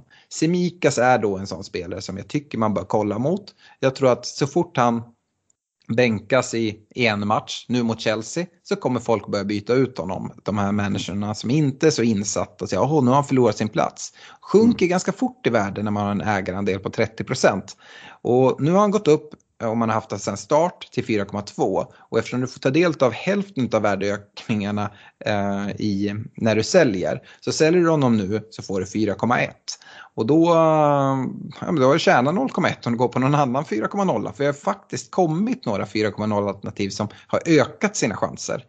Eh, och en Livramento i SA-15 Eh, ägs bara av 2,6 procent, men den ägarandelen kommer att gå upp. Han har gjort det hur bra som helst tycker jag här inledningsvis. Och mina förväntningar för den här spelaren, det ska jag säga, det är inte att Southampton ska hålla massa nollor och han ska slå assist och sådana här saker. Det här vi har sett från Semika som inleder två matcherna, det är inte de förväntningarna jag har på mina 4,0 försvarare. Men det är som sagt någon som kan komma in och komma ha speltid. Uh, vi ser även en uh, Brandon Williams från Manchester United som nu är klar för, för Norwich på ett lån. Jag förväntar mig att han kommer spela där uh, och då är det ett bra alternativ att gå på. Jag håller Livramento som nummer ett på lång sikt och så. På kort sikt tycker jag faktiskt att en, en, en Duffy i Brighton, jag tror att han kanske har ökat till 4,1. Mm, mm, Uh, han har en ägarandel på 7,5% På kort sikt håller jag han väldigt, väldigt högt för att uh, han har ju en rejäl uppsida med hans offensiva hot uh, och dessutom då i kombination med Brightons spelschema.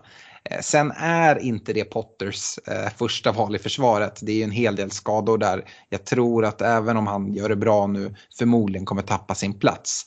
Ehm, på sikt. Men eh, vill man spela lite risky game och tänker att ja, men det är kort sikt, sen ska jag ändå dra ett wildcard, men då kanske Duffy kan vara där. Och det kostar ju inget om man går från Semikas då, även om Duffy har, har ökat. Du får inte värdeökningen, men um, det kostar inget extra för honom. Uh, och Duffy kan man ju faktiskt spela på ett annat sätt, uh, tycker jag, än en Livramento nu. Um, en annan spelare som ägs väldigt mycket som är lite samma situation som Semika som kanske sjunger på sista versen men som ändå kanske ser ut att öka här det är ju en Amartey Leicester. Ägs av 18 procent någonting och uh, har väl haft det ganska jobbigt. Uh, räddas här utav Västergård, nyförvärvet, har problem med ett knä. Uh, ska vara tillbaka här den här veckan i träning enligt Rodgers. Jag tror att Amarteys plats är nog ganska osäker. Jag hoppas bara att han ska stiga 0,1. Um, för då är det inte lika bråttom att byta ut honom. Uh, då kan han sitta längst ut på bänken. Då kan han börja gå ner i värde utan att jag tappar pengar på honom. Um, men Semikas tycker jag att det kan vara läge att tacka för. Vi har, vi har haft det trevligt tillsammans nu ett tag men uh, nu, nu räcker det. Uh, delar du min syn här på, på 4,0 försvararna? Ja, alltså Eh, Eh, med fast i hand så är det ju no-brainer att kliva in på en Semikas, alltså en spelande 4,0 försvarare i Liverpool. Jag fattar inte hur jag inte kunde gå in. Liksom. Men, men, det är lätt att sitta med fast i hand. Eh, men nu har man dragit två gånger i den där enarmade banditen och, och liksom fått vinst båda gångerna. Nu är det dags att lämna. Eh, jag är helt övertygad om att han kommer som du säger att få lite speltid lite här och var. Han har gjort det bra liksom. Så, men han är ju ett andra val. Eh, och för att folk byter in honom, ja det är väl bara ett bevis på att folk inte har koll tänkte jag säga. Så att, Ja, eh, är det någon... den, här, den här lyssnarfrågan om det är för sent att hoppa på Antonio. Nej det är det inte. Semikas, ja de här ja. 200, eller, 260 000 människor som har bytt in nu inför Game Week 3. Ja tyvärr, det var för ja, sent.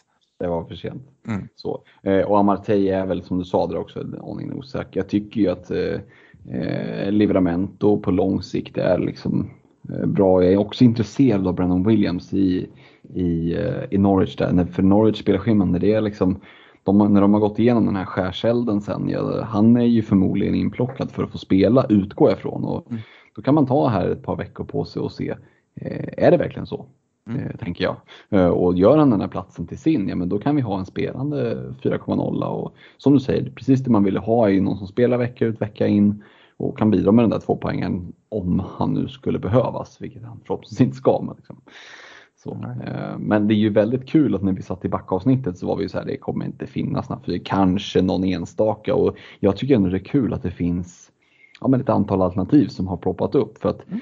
eh, ja, men det, det ger en extra krydda till det och det ger också ett lite större spann upp till liksom premiumförsvararna. Eh, så jag tycker det är kul att det är ett, ett par 4,0, ja, men ganska, det är fler än, än vad vi trodde som, som har fått spela. Verkligen. Uh, vi får väl se om det kommer några 4,0 försvarare i rekommendationerna. För vi går över i dem och kaptensdiskussionen innan vi avslutar med lyssnafrågorna. Och uh, som vanligt så, så uh, börjar vi i försvarsdelen. Och vi kan väl säga det att de här rekarna som vi gör. Det är ju spelare som vi tror att om man inte har just nu och jag ska byta in försvarare. Vilka hade jag kikat mot då? Och kanske inte bara för kommande Game Week utan för några matchers tid framåt. Ehm, och vi tar ut tre försvarare, vi tar ut tre mittfältare och så tar vi ut två forwards eftersom det inte är lika många forwardsplatser som man har. Och Fredrik, du får gärna börja på försvarssidan. Vi har ingen koll på vad vi har valt så det ska bli kul att se om vi tänker lite lika eller vart vi går isär. Mm, mm. Ja, men jag börjar gärna med, med försvararna och då är eh, första spaningen Sofall i West Ham. Eh, vi var inne nu har vi hyllat West Ham väldigt, väldigt mycket här och 5,0 tycker det är en väldigt bra prisbild. Eh, sitter man på två fria byten och behöver någon extra 01, 02 eh, för att liksom ja, sticka någon annanstans på en annan position så är det ju liksom ett utmärkt tillfälle och kanske om man nu vill downgrada någon av 5-5 backarna om man har en sån. Eh, så, så fall för 5,0 i ett Western som flyger eh, tar sig in på min rek. Eh, sen har jag med en Ailing i, i Leeds. Eh, de har haft ett ganska tufft spelschema här i början. Nu ser det ju riktigt fint ut. Eh, visst, de har Liverpool hemma i Game Week 4, men sen är det rena smörgåsbordet med bra matcher. Eh, och det är väl kanske inte primärt att jag tror att han kommer göra mål i varenda match, men jag tror ändå att ja, men Leeds är ett offensivt lag. Eh, han, han, vi ser ju att han är långt fram i banan och det kan mycket väl liksom komma någon liten sån här sneaky assist lite här och var. Mm. Mm. Och som, som trea så tänker jag kasta in en riktig joker med en TSB på, jag tror att den ligger på 1% ungefär. Mm. Eh, och det är Andy Robertson. Mm. Eh, och det är, eh, ja, men det är en rek som är en differential men han är så pass bra att jag tycker att det, här finns det anledning att blicka. För det kan också vara så att man sitter med ett bygge, man har sparat massa pengar, eh, man kanske downgradar, vad vet jag, en, en, man en ganska dyr mittfältare i det övre eh, mittprissegmentet till en Ben Rama och får loss pengar. Och jag säger inte att man ska investera tungt i backlinjen om man inte redan har gjort det. Rent strukturmässigt kan man ju ha åsikter om det. Men vill man liksom ja, men sticka ut lite, 1% i TSB, det kommer inte Robertson ha länge till när han väl är tillbaka och börjar spela match efter match. Och på det då med Liverpools ganska fina spelschema här. Visst, man kliver mot, uh, mot Chelsea men efter det så är det Leeds och Palace och Brentford och så kommer Watford där. Jag tycker att det är en riktigt fin eh, differential som får segla in på, på min rek. Mm. Ja, det är kul hur lika vi tänker. Jag har ju Sufal och Eiling eh, ja. i mina försvarsrekar. Eh, jag tycker det är roligt att du väljer Sufal som själv sitter med, med Cresswell. Eh, får gärna lägga någon utläggning där. Är det för att spara mm. pengar på, vi, vi, har ju pratat om att det finns, liksom, man söker pengar på mittfältare och forwards. Eh, mm. Är det därför Sufal ja. letar sig ja, in före Cresswell? Sitter du på Cresswell som jag gör, då sitter du bara lugnt i båten liksom, mm. och, och tackar för det där målet som kom out of the blue. Eh, men jag tycker just möjligheten att kunna, för många sitter med två fria byten och kanske vill göra det, så är det en riktig enabler, alltså säga, en riktig liksom möjliggörare för att kunna få loss och kanske få in en Calvert Lewin som har stuckit upp 0-2 i pris. Mm. Ja, då är det, då är det liksom en, en tacksam väg att gå. Det är även därför jag rekar Eiling. Uh, visst, det mm. finns bättre försvarsspelare än, uh, än Luke Eiling i det här spelet. Men för 4,5 tycker jag han eh, ger ett jättefint värde och en spelare man kan spela nästan varje vecka här nu som du säger med det här fina spelschemat. Eh, och till exempel om man inte har Eiling att gå ner från, jag tycker inte att Luke Shaw är ett problem att sitta med ett bygge men det är heller ingen man måste ha. Att där kunna spara en miljon och, och kliva ner till en Luke Eiling för att kunna spendera dem på, på mittfältet eller för att få in en Calvert Lewin på topp eller vad det nu må vara. Ja, men det behöver inte alls vara dumt. Eh, istället för Robertson så har jag gått på ett val som har en väldigt hög TSB till skillnad från Robertson. Men ändå inte så långt därifrån. Det är nämligen andra sidan i Liverpools försvarslinje där vi hittar en Trent.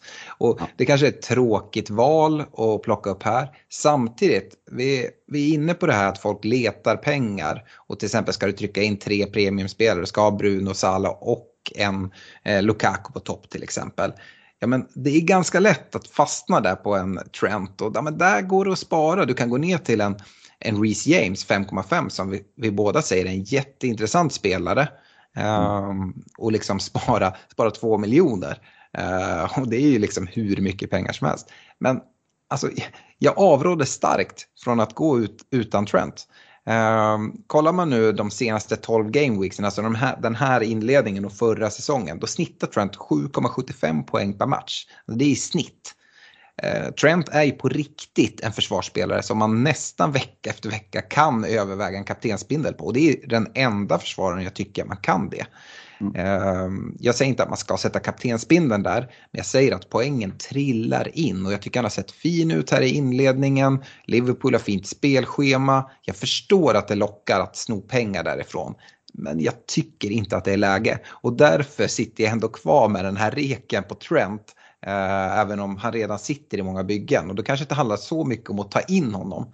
Det handlar om att göra er inte av med honom just nu. Nej. Ett tillägg där också, eh, jag skulle kanske inte kalla det för en, en, taktisk förändring, men en liten taktisk justering som jag tycker man kan skönja bara utifrån de här två första matcherna är ju att eh, han eh, viker ju in mycket mer diagonalt i banan än vad han gjort tidigare. Typ som, som Cancelo gör i City mycket. Att, mm. Visst, Trent är ut, ofta ute och breddar när, när, när, Liverpool är väldigt offensivt och han slår inläggen. Men när de är runt mittplan så är det väldigt ofta som en av de tre mittfältarna kliver ut och tar bredden och att Trent kliver diagonalt in och då blir han ju också mycket mer Ja, men vi såg i, i eh, 2-0 målet eh, här i Game Week 2 var ju ett sånt skolboksexempel när, när van Dijk slår en, en eh, 40 meters passning till en Harvey Elliott som är en av de centrala mittfältarna som är ute på kanten och tar ner bollen och spelar in den i mitten. Och vem är det? Och där är det Trent Alexander-Arnold, högerbacken, liksom, och bara serverar fram ner och tack och bock och poängen trillar in. Han kan både servera och sen med hans tillslag kan han även pytsa in med ett par kassar ja, både, på fa- både på fasta men även liksom när han skär in sådär att det kommer komma avslut också. Mm, mm.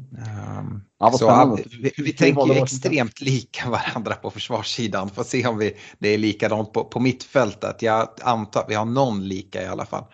Ja, ska du börja där då? Ja, eh, Ben Rama. Eh, jag har suttit med sen Game Week 1. Jag vet att det finns vissa oklarheter kring det här öppna transferfönstret men jag tycker jag har pratat tillräckligt om det. Jag tror att hans plats är kvar där oavsett om en Lingard kommer in eller inte, i alla fall på kort sikt. Jag tycker inte att det är för sent att kliva på. Eh, Antonio definitivt inte, Ben Rama absolut, det finns mer betänkligheter. Men jag tycker läget är för bra för att inte kliva på på den här, eh, det här låga priset. Eh, och jag kan säga det att egentligen alla mina tre mittfältare tycker jag är för lågt prisade. Eh, så Ben Rama är ett av valen, fint spelschema också.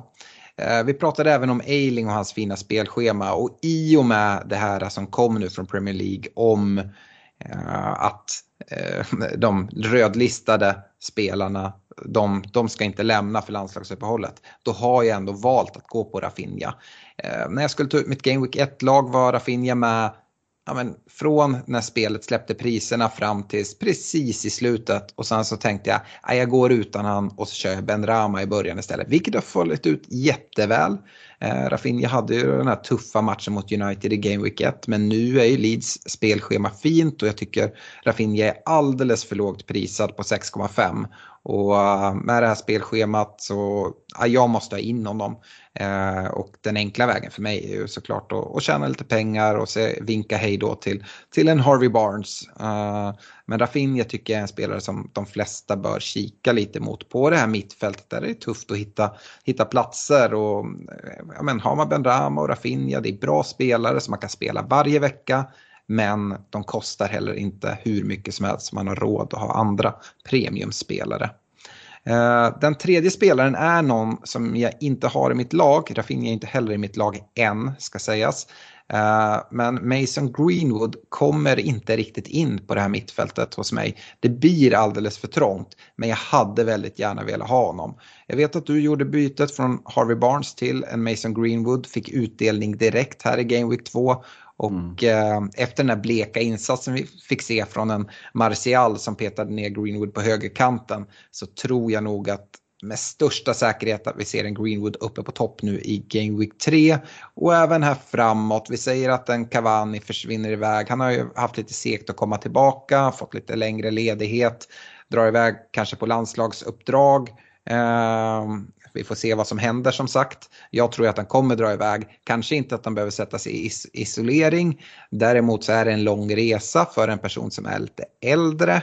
Och um, jag tror att Greenwoods plats eh, är ganska garanterad här eh, de kommande gameweeksen. Och um, ja, nej, äh, även om Cavani sen på sikt kommer in så betyder inte det att Greenwood inte kommer vara aktuell för, för startplatser då han är så, så mångsidig och kan utgå från en kant och även vid inhopp kommer vara farlig för United och han alltid kommer bytas in när, när det jagas mål. Så eh, Benrama, Rafinha och Greenwood är mina tre val.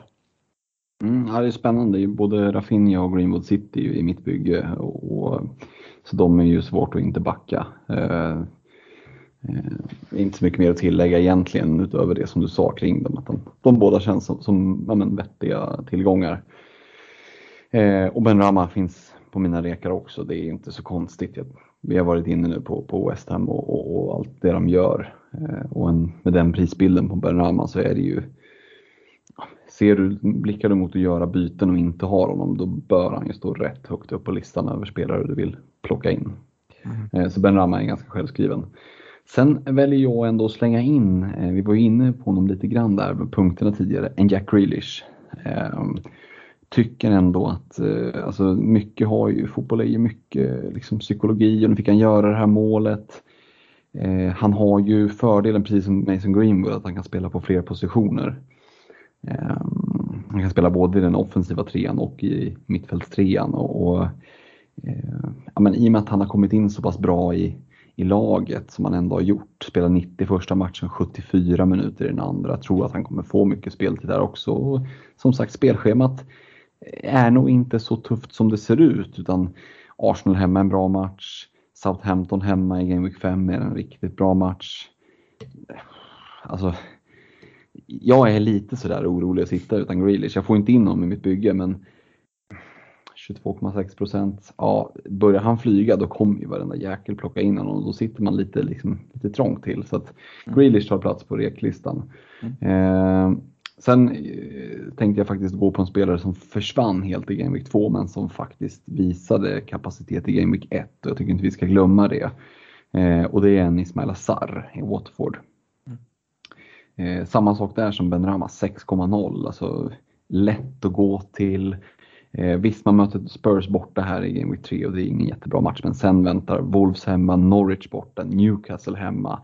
Ja, men fina matcher här, match 4, 5, 6, kanske innan ett eventuellt wildcard. Eh, visst, ben, du har Ben Rama där också, men Ja, men för den som vill bygga om lite struktur i bygget så kan det kanske vara så att man plockar ut en 4-5 och en lite dyrare mittfältare och kompenserar med två eh, i form av Ben Rama och Sar. Så eh, Ben Rama, Grealish och Sar hamnar på mina rekar. Nu ska vi se. Vi, när vi går på forwardsidan, Fredrik, så mm. Tänker jag att eh, vi har pratat ganska mycket om de här forwardsen. Jag antar att du precis som jag inte kan undvika att ha Calvert Lewin och Antonio. Har jag rätt? Nej, så, ja, ja, så är det ju. Det, är ju det, det, det, må, det må vara tråkigt men, men det, det blir liksom det finns ju, eftersom vi inte har någon Bobby Reed kvar i ligan så finns det ju liksom ingen rolig att plocka in utan det, det, det är ju de två som sitter där, så är det ju. Eh, vi ska väl säga det om mittfältsrekarna. Vi har gjort någon så här tyst överenskommelse om att inte ha med Sala och Bruno där om det inte är ja. väldigt specifika omständigheter. Vi tycker alltid att de är bra att ha som det är just nu. Och att de ska sno en av de här tre platserna, det, äh, eller kanske till och med två. Det blir lite tråkigt så att vi, vi har faktiskt valt att bara strunta i det. Eh, det ska vi säga. Men på forwardsidan, men jag kan inte säga det mer än så. Calvert Lewin, jag tycker han det är den spelare som står absolut högst på min önskelista. Antonio hade stått där om han inte redan hade varit i mitt bygge. Jag tycker det är perfekt forwardspar att spela med. Eh, och kanske ha en 4,5 liksom icke-spelande forward. Eh, det hade kunnat vara ett alternativ om jag hade dragit wildcard. Ehm, sen så, jag sitter ju med Wilson, Tony och Antonio nu. Och jag tycker inte att man har problem med varken Tony eller, eller Wilson heller. Eh, och det är väl det som ställer till det lite. Och eh, ja, men Tony, absolut, han kan nog sjunka i värde nu när det liksom byts så fruktansvärt mycket och springs mot Antonio och, och Calvert Lewin framförallt. Men det kanske man bara får ta på hakan. Jag, jag vet inte hur jag ska lösa det men eh, känner vi heller inte att till den här veckan att Calvert Lewin är en måste-spelare mot, mot Brighton. Men däremot Game Week 4 mot Burnley så ja, jag vet inte, jag måste få in honom på något sätt, jag vet bara inte hur. Uh, gärna istället för, för Tony, men det kanske blir Wilson som måste, måste liksom kapas för att det är en kortare väg dit prismässigt när Calvert Lewin stiger i pris som man gör. Mm. Pratar vi liksom vidare och liksom nämner några andra namn så finns det ju ändå ett antal spelare. Du var inne på en Jiménez där som har ett mm. spelschema som visst efter United. Ja visst, som bara liksom luktar mål. Men men det är klart, Wolves har inte övertygat. De har, de har förvisso haft ett lite tuffare schema här. Det kommer ju som sagt bättre matcher. Men, men där finns det ju möjlighet att sticka ut verkligen. 2,9 procent i TSB. Det är ju liksom, det är noll och ingenting. Eh, men sen är det många av de här premiumanfallen. De, för mig faller de lite bort i att det finns så mycket bättre alternativ som är så mycket billigare. Eh, och, ja, det, det ehm, Ja, men det finns att, att plocka av, helt, helt klart. Och som du säger, vi har ju nämnt honom nu, men Calvert Lewin är ju en... ja, det, vi, vi, jag vet att vi var inne på det redan innan säsongen, där, att det passar ju Benitez-tänket med honom. Och det har ju, den handsken har ju suttit så, mm. så liksom figurskydd som, som vi förutspådde. Mm. Vi ska gå över en kaptensdiskussion för Game Week 3 och kanske kan det vara så att vi springer på några av våra rekar här. Eh, det är deadline för Game Week 3, lördag nu 12.00. Det är City Arsenal som sparkar igång 13.30. Och vad är det man säger, Fredrik? vi fick det väl bekräftat, man sätter väl aldrig en kaptensbindel på någon som har tidiga matchen. Eh, det såg vi nu med Salah, han blankade som han alltid gör mot Burnley. Eh, ändå var jag där med binden. Men ja, City, hade Stefan, Stefan varit med i den här podden, han vet jag ju att det är, binden, det är bara att bindla vilken City-spelare du än har. Uh, ja, nu har ju inte du någon City-spelare och sitter där och är orolig för Grealish, men mm. är det mm. någon City-spelare som du hade vågat att sätta binden på sett till uh, rotationsrisken? Ja, men med tanke på att eh, både Sala och Bruno har ganska knepiga matcher, eh, eller ganska knepiga, Liverpool spelar hemma och det är mot Chelsea och det kan mycket väl liksom explodera, men det kan också bli tajt och tillknäppt och 0-0. Eh, det vore inte jättechockande heller. Bruno United ska, ska möta Wolves borta. Den är lite svår att säga om. Sista Wolves... matchen i gameweeken. Ja, den är, det är ju det liksom. Så det, där sitter min vicebindel just nu eh, på Bruno. Men eh, hade jag suttit med en Grealish hade jag varit jävligt sugen på att slänga in en bindel där. Så är det. Hur resonerar du kring Mares? Eh, det är en sån där spelare jag vet att Stefan sitter med. Eh, mm. Och han fick ju inte spela, han fick komma in med ett inhopp. Normalt sett med vilken manager som helst brukar man kunna läsa då att om han vilar sig den här gameweeken då får han en given mm. start i nästa. Pep har ju visat flera gånger att riktigt så kan man inte tänka med honom. Men visst borde Mares ändå få starta. Nu mot Arsenal, så, eller här i Game Week 2 fick vi ju se en Gabriel Jesus som faktiskt klev ut till höger och gav Mares då bänkplatsen. Eh, och så istället fick Ferran Torres gå centralt istället för Jesus. Och det är väl det som talar emot då, att Jesus eh, verkar ha gett konkurrens på den här högerplatsen. Mm, ja, eh, vad heter han? Pep var väl ute också och har pratat om att Jesus faktiskt är lite av en ytter från, från början liksom, och skolats om till någon form av nia fast han kanske inte egentligen är det i, i grund och botten. Och, ja, då har de ingen nia helt plötsligt. Jag tar inte någon gift på att Mare startar. Jag byter ju inte ut honom kanske inför den här matchen så som jag ändå får se. Men eh, jag hade nog inte, bind, jag hade inte vågat bindla en Mares. Det luktar väldigt mycket inhopp sista 15-20 och det är långt ifrån en garanti att det blir som sist nu, att det, att det renderar i mål och framförallt vill du inte ha det på din kaptensbindel. Liksom. Nej, eh, sen ska vi alltid, du var inne på det direkt, gå igenom Bruno och Sala för de ska man alltid nämna varje vecka.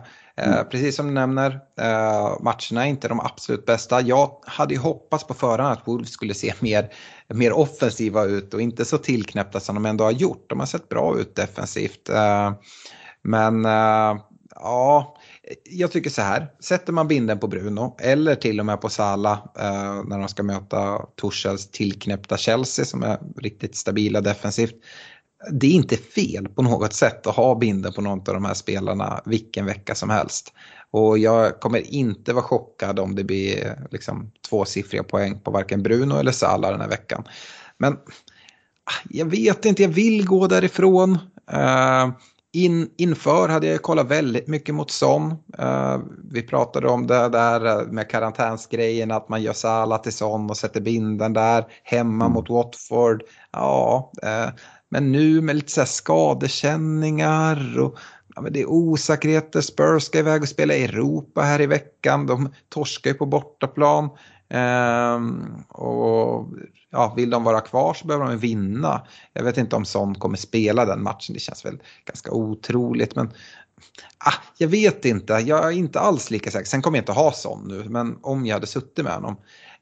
Um, du sa att din vicebindel satt på Bruno, får jag gissa då att uh, binden sitter på en viss Antonio på topp eh, hemma mot Crystal Palace? Ja, det är ju så det är. Det är det, med tanke på den formen de är i nu och det är klart att den, så kommer det inte att vara för alltid nu men, men jag är beredd att en sån här vecka när det inte finns något tydligt bra alternativ på varken Bruno eller Sala som är de två liksom, givna kaptensvalen som jag sitter på. Då känner jag att men här finns det läge liksom och, och, och gambla lite. Sen hur mycket gamble det är med Antonio med den formen han är i Crystal Palace hemma som ska försöka spela lite fotboll under Vira. Det är nästan skrattretande.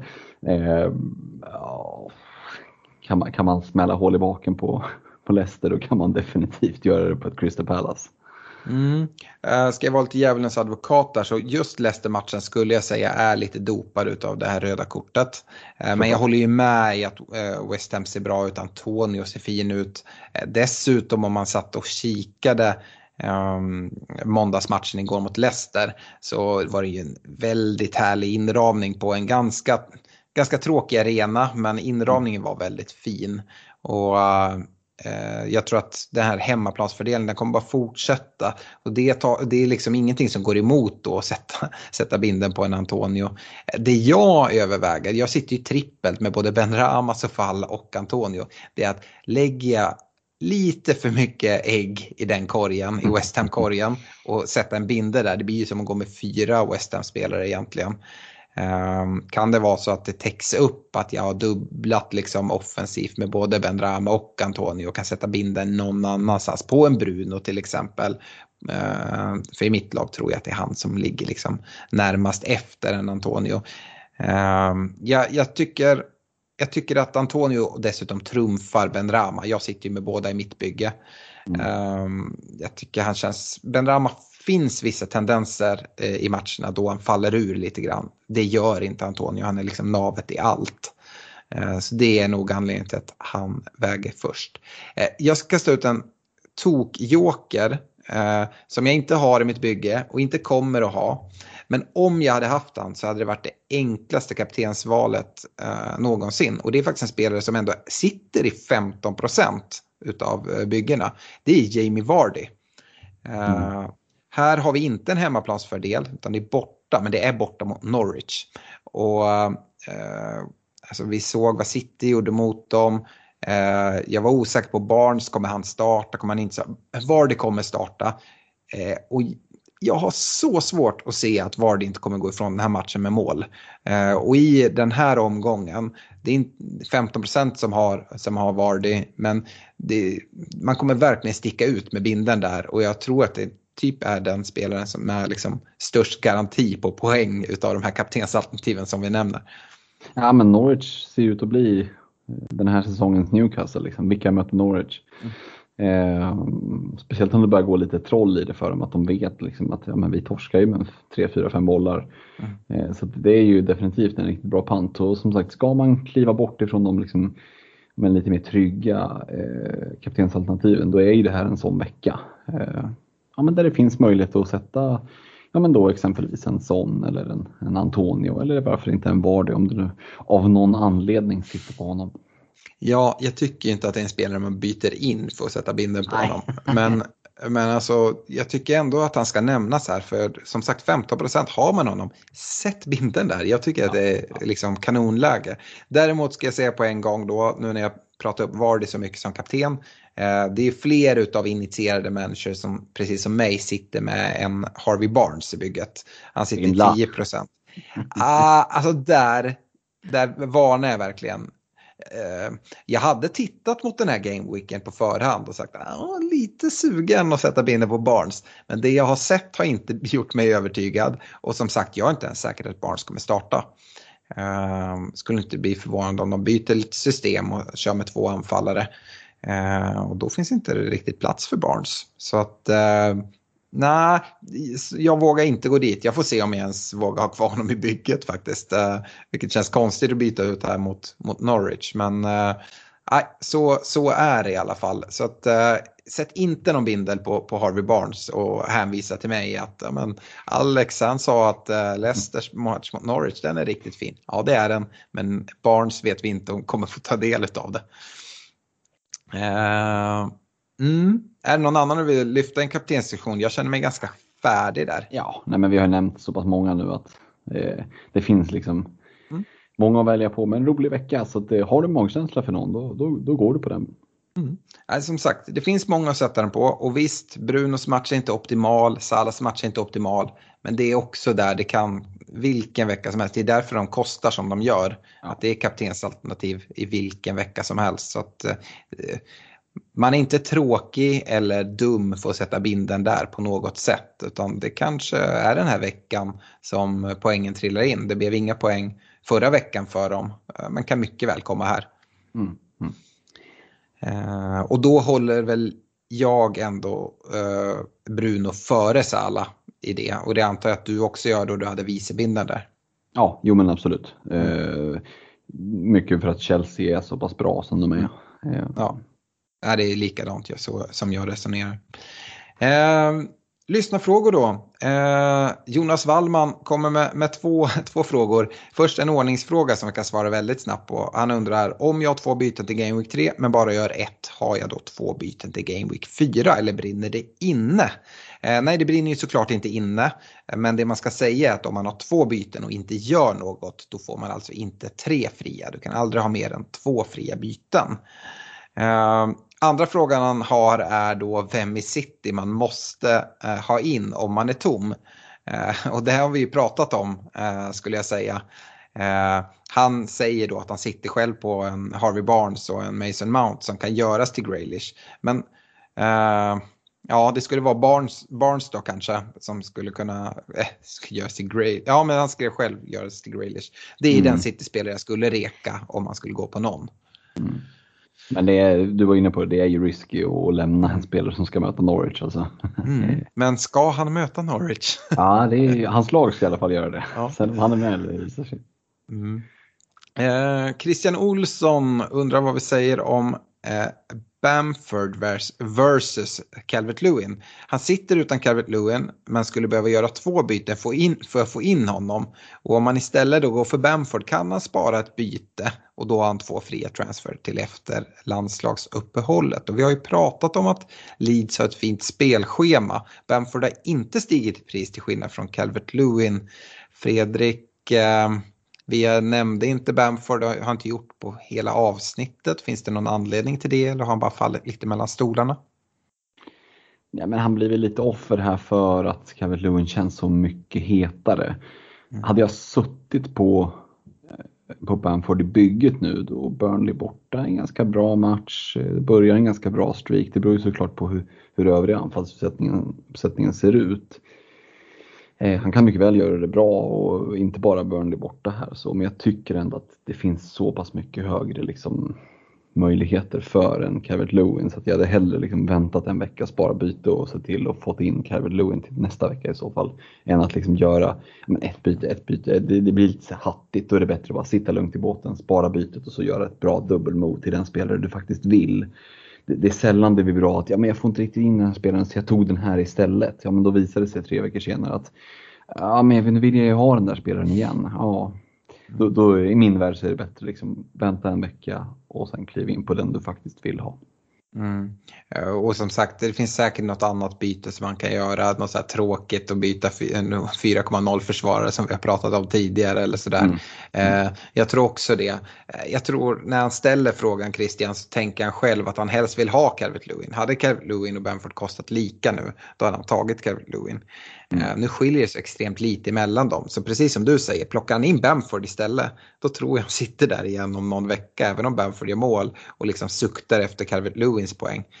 Uh, så nej, jag hade inte tagit in Bamford. Uh, om det inte är så att du har en uh, forward som du tycker du har problem med och känner att äh, men, jag kan verkligen stå för Bamford och det är inte ett dåligt val. Uh, Leeds har bra spelschema, uh, Game Week 4 sådär då mot Liverpool men i övrigt uh, så uh, ja, har du den känslan köp på det men tänk igenom om det inte kommer vara så att du kommer vilja ha Calvert Lewin lika fort igen.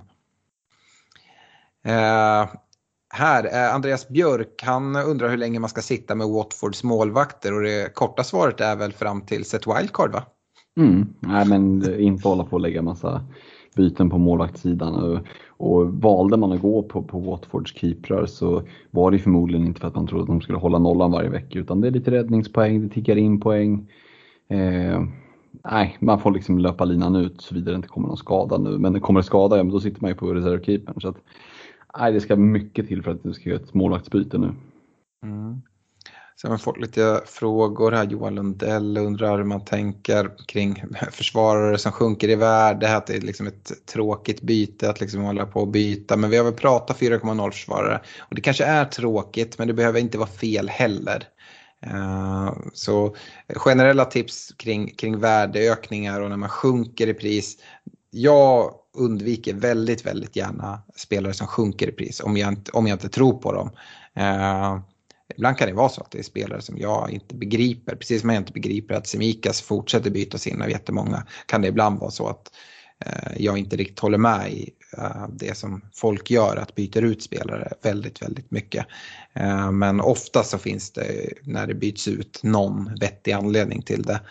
Och jag gillar inte så i början att mina spelare sjunker i värde. Att, ja. ska, ska vi säga det också att har man nu liksom gjort som vi sa tänkte jag säga och sparat ett byte, sitter med två fria byten nu så är ju det här ändå en sån vecka där ett sidledsbyte som en, 4, en Semikas till en annan 4,0 ändå får anses vara. Ja. ja. men det är ju faktiskt en sån vecka där ett sånt byte eh, kan vara liksom mer än tråkigt. Det kan faktiskt vara ett men, ganska klokt beslut för att sitta med två fria.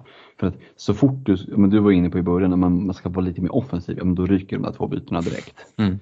Um, så det behöver inte vara, som säger, behöver inte vara fel att göra det där liksom kloka, ganska eh, konservativa, lugna bytet. Så sitter du ändå med, med två byten kvar sen. Mm. Ja, jag kommer ju precis ställas i det här värdet. Det kloka hade varit att, att göra en Semikas, ta de här 0,1 och göra en till Livramento. Mm. Eh, det som jag lutar lite åt ändå, det är att plocka ut en Harvey Barnes som ska möta Norwich. Eh, gör han till ja, vad vet jag, en Rafinha eller en Sarr eller någonting för att kunna liksom få in Calvert Lewin eh, på topp. Mm. Eh, men eh, ja, det kan ju slå fel ut också. Jag har inte alls bestämt mig, det har jag inte. Yes, Johan Henriksson skriver att Kane spelar 20 minuter före matchen. Vad är status där? Tror vi att han startar nästa match?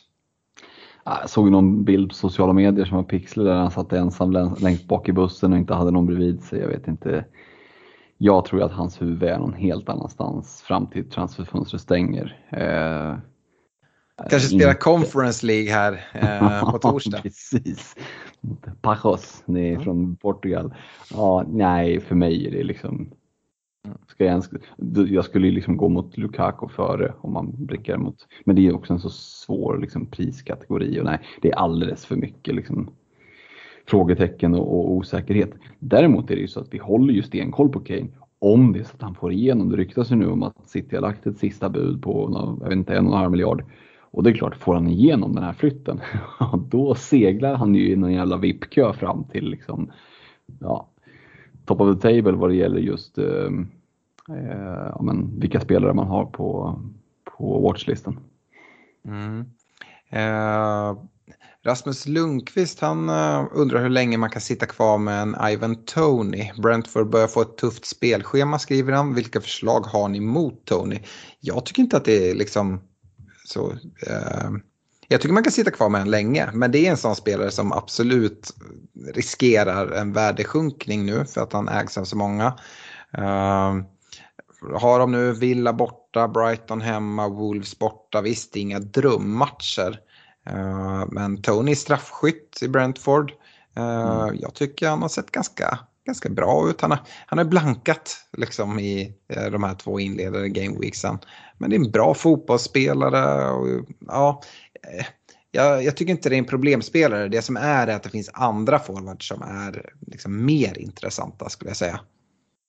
Ja, det, dels det och sen är det beror det lite på hur man har byggt laget. Har man byggt laget att Tony liksom är en av de som måste starta? Eller är han liksom en, ja men, man är så att jag, jag sätter nästan honom på bänken var och varannan vecka för att jag har så många andra bra som startar. Det tycker jag spelar in ganska mycket på hur man ska göra med honom. Mm. Eh, för där finns det ju ändå möjlighet, om det är så att det är någon du har på bänken, ja men då finns det lite pengar att tjäna. Eh, om det är så att du behöver pengar till någon annan för att kunna få in en annan spelare. Eh, vi har en Armstrong i Southampton som, som är på 6,0 om du bara behöver ett par, liksom, ett par tiondelar av en miljon. Ehm, men den, ja, kanske inte ska nämna den i svårt för jag vet inte. Men just att du måste ju bestämma dig om du ska gå ifrån Tony. Ska du liksom mm. hämta in pengar någonstans ifrån och kliva upp? Ja, det lockar ju såklart mest. Mm. Men det kan ju också vara så att man har ett bygge där man eh, ja, men vill, behöver ett par liksom, tiondelar för att få in en Grealish och man verkligen tror på honom. Ja, men då kan det vara läge att växla strukturen till att gå ner till en 4-5 eh, och frigöra vad blir det, nästan två miljoner. Mm. Jag, är, jag är ju ett sånt mellanläge. Jag har mm. ju både Tony och Mbuemo, så en av dem sitter nästan bänk varje gameweek och det är lite för mycket pengar. Mm. Uh, jag har dessutom valt att spela Mbuemo mer än, än Tony. Uh, en liten chansning sådär att kunna få, få mer ut om det skulle kunna komma lite poäng.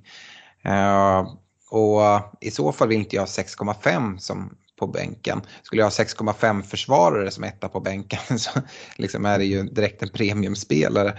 Eh, Sen kan jag såklart spela båda men nu med det här spela, spelschemat vill jag inte spela båda. Så då har jag de här alternativen som du var inne på. Antingen går jag upp på Tony, eh, skickar, eh, försöker få in Calvert Lewin eftersom jag både har Wilson och Antonio som jag tycker är intressanta. Eller så får man gå ner. Eh, antingen gör jag till en icke-spelande spelare eh, och liksom kunna investera tyngre på övriga platser. Eller då eh, kunna gå ner lite grann. Du nämnde Armstrong, men jag tycker man faktiskt man kan börja kika mot den här finnen i Norwich nu eh, i eh, Timo Pukki. De, mm. Eh, de har två röda matcher nu, Game Week 3-4. Det är Leicester hemma som har sett svajiga gått ut tycker jag. Schmeichel har räddat dem lite grann och sen har de Arsenal borta i Game Week 4. Sen kommer det fina gröna matcher, eh, ganska många. Det blir ju så när man har haft många röda och många topplag så blir det lättare i spelschemat till slut. Och Timo Pukki tror jag kommer vara inblandad i mycket av Norwich mål. Absolut kommer de släppa mål, men jag tror också att det är ett sånt där lag som de kommer ändå liksom gå för det när de har lite enklare matcher eh, och säkert göra en del mål och då tror jag att Pukki kommer vara inblandad. Så att han eller Armstrong, ja, jag vet inte, jag tycker det är lite så här coin flip mellan de två egentligen. Jag tycker Armstrong har gjort det bra och kommit in fint i, i Southampton. Eh, men Timo Pukki tycker jag ändå kan blanda sig i ändå.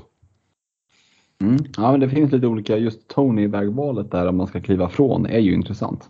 Mm. Jag tycker inte man har problem med honom. Uh, det tycker jag inte. Men uh, jag tror att poängen kommer att komma. Uh, yes.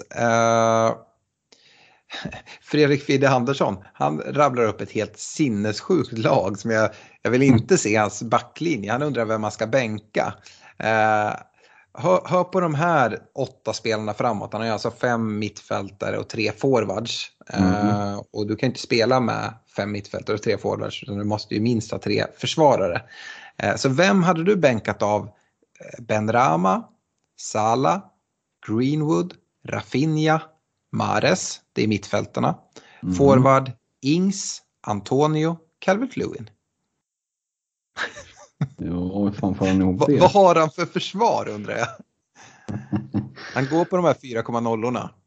Ja, uppenbarligen. Eh, chippet All Out Attack försvann ju där för ett par säsonger sedan när man kunde liksom spela 2-5-3. Eh, ja. um, han förtydligar att han har 0,0 in the bank. Jo tack, det, det, vi förstår han, det. Det har gått bra för honom. Han har 190 poäng efter två rundor. Mm. Uh, Rafinha har suttit bänk två omgångar nu. Ja, det, jag, jag kan inte säga vem jag skulle bänka i det här läget alltså. Frågan är om det inte blir en... Det verkar ju helt sjukt att sätta liksom Mares på bänken. Det kan man ju inte göra. Nej, men vem eh, sätter du då? Ja, nej, men då är det väl typ en Ja, det är också Ben Rama, liksom fortsätter han att flyga och så sätter man honom på bänken. Det är ju liksom Mot Crystal Palace. Ja, nej, det kan man Hemma. inte göra. Då är Rafinha borta mot ett Burnley om Burnley bara stänger ner då kanske. Men eh, Burnley, alltså Burnley har ju haft, det vet jag när jag rekade liksom på kaptensbindeln på Salah, att Burnley har ändå släppt till ganska mycket chanser från den kanten. Mm. Och det gjorde de ju även mot Salah. Jag tycker han har lite oflytt att han inte kommer iväg med, med några poäng där i Game Week 2. Eh, så alltså, Rafinha hade jag inte velat bänka. Greenwood har jag ju pratat upp. Eh, visst, vi pratat Wolves var en tuff match. Mm. att kanske Greenwood man ska bänka då. Men ja, jag tycker att han har satt sig i en sån här lite konstig båt. För så här kommer han ju ha det varje vecka med det här laget mm. skulle jag säga. Mm.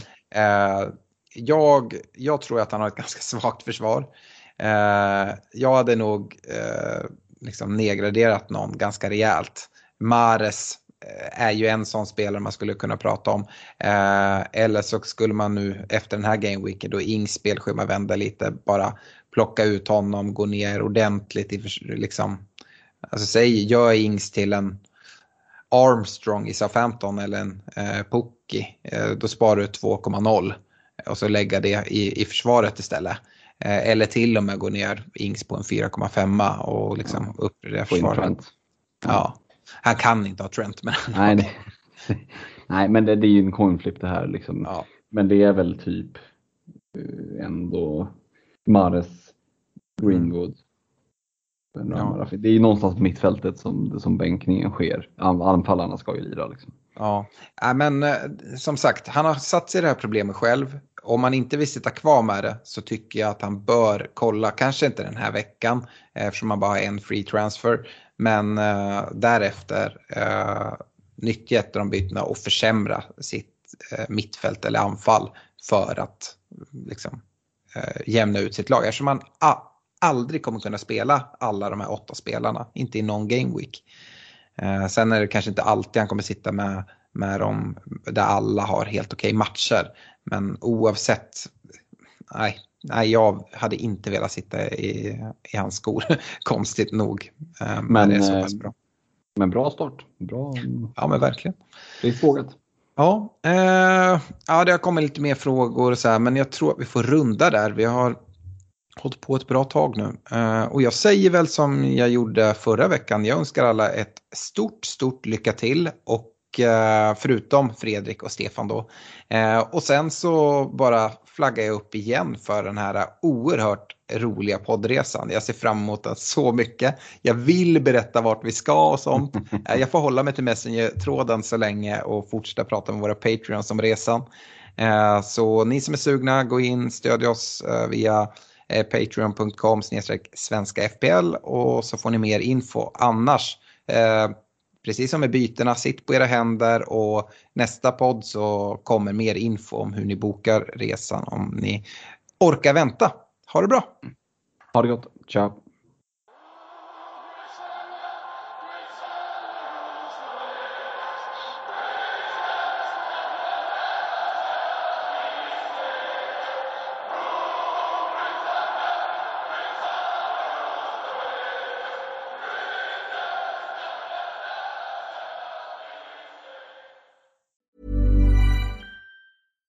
Deserves the best, and there's no better place to shop for Mother's Day than Whole Foods Market. They're your destination for unbeatable savings, from premium gifts to show-stopping flowers and irresistible desserts. Start by saving 33% with Prime on all body care and candles. Then get a 15-stem bunch of tulips for just $9.99 each with Prime. Round out Mom's menu with festive rosé, irresistible berry chantilly cake, and more special treats. Come celebrate Mother's Day at Whole Foods Market.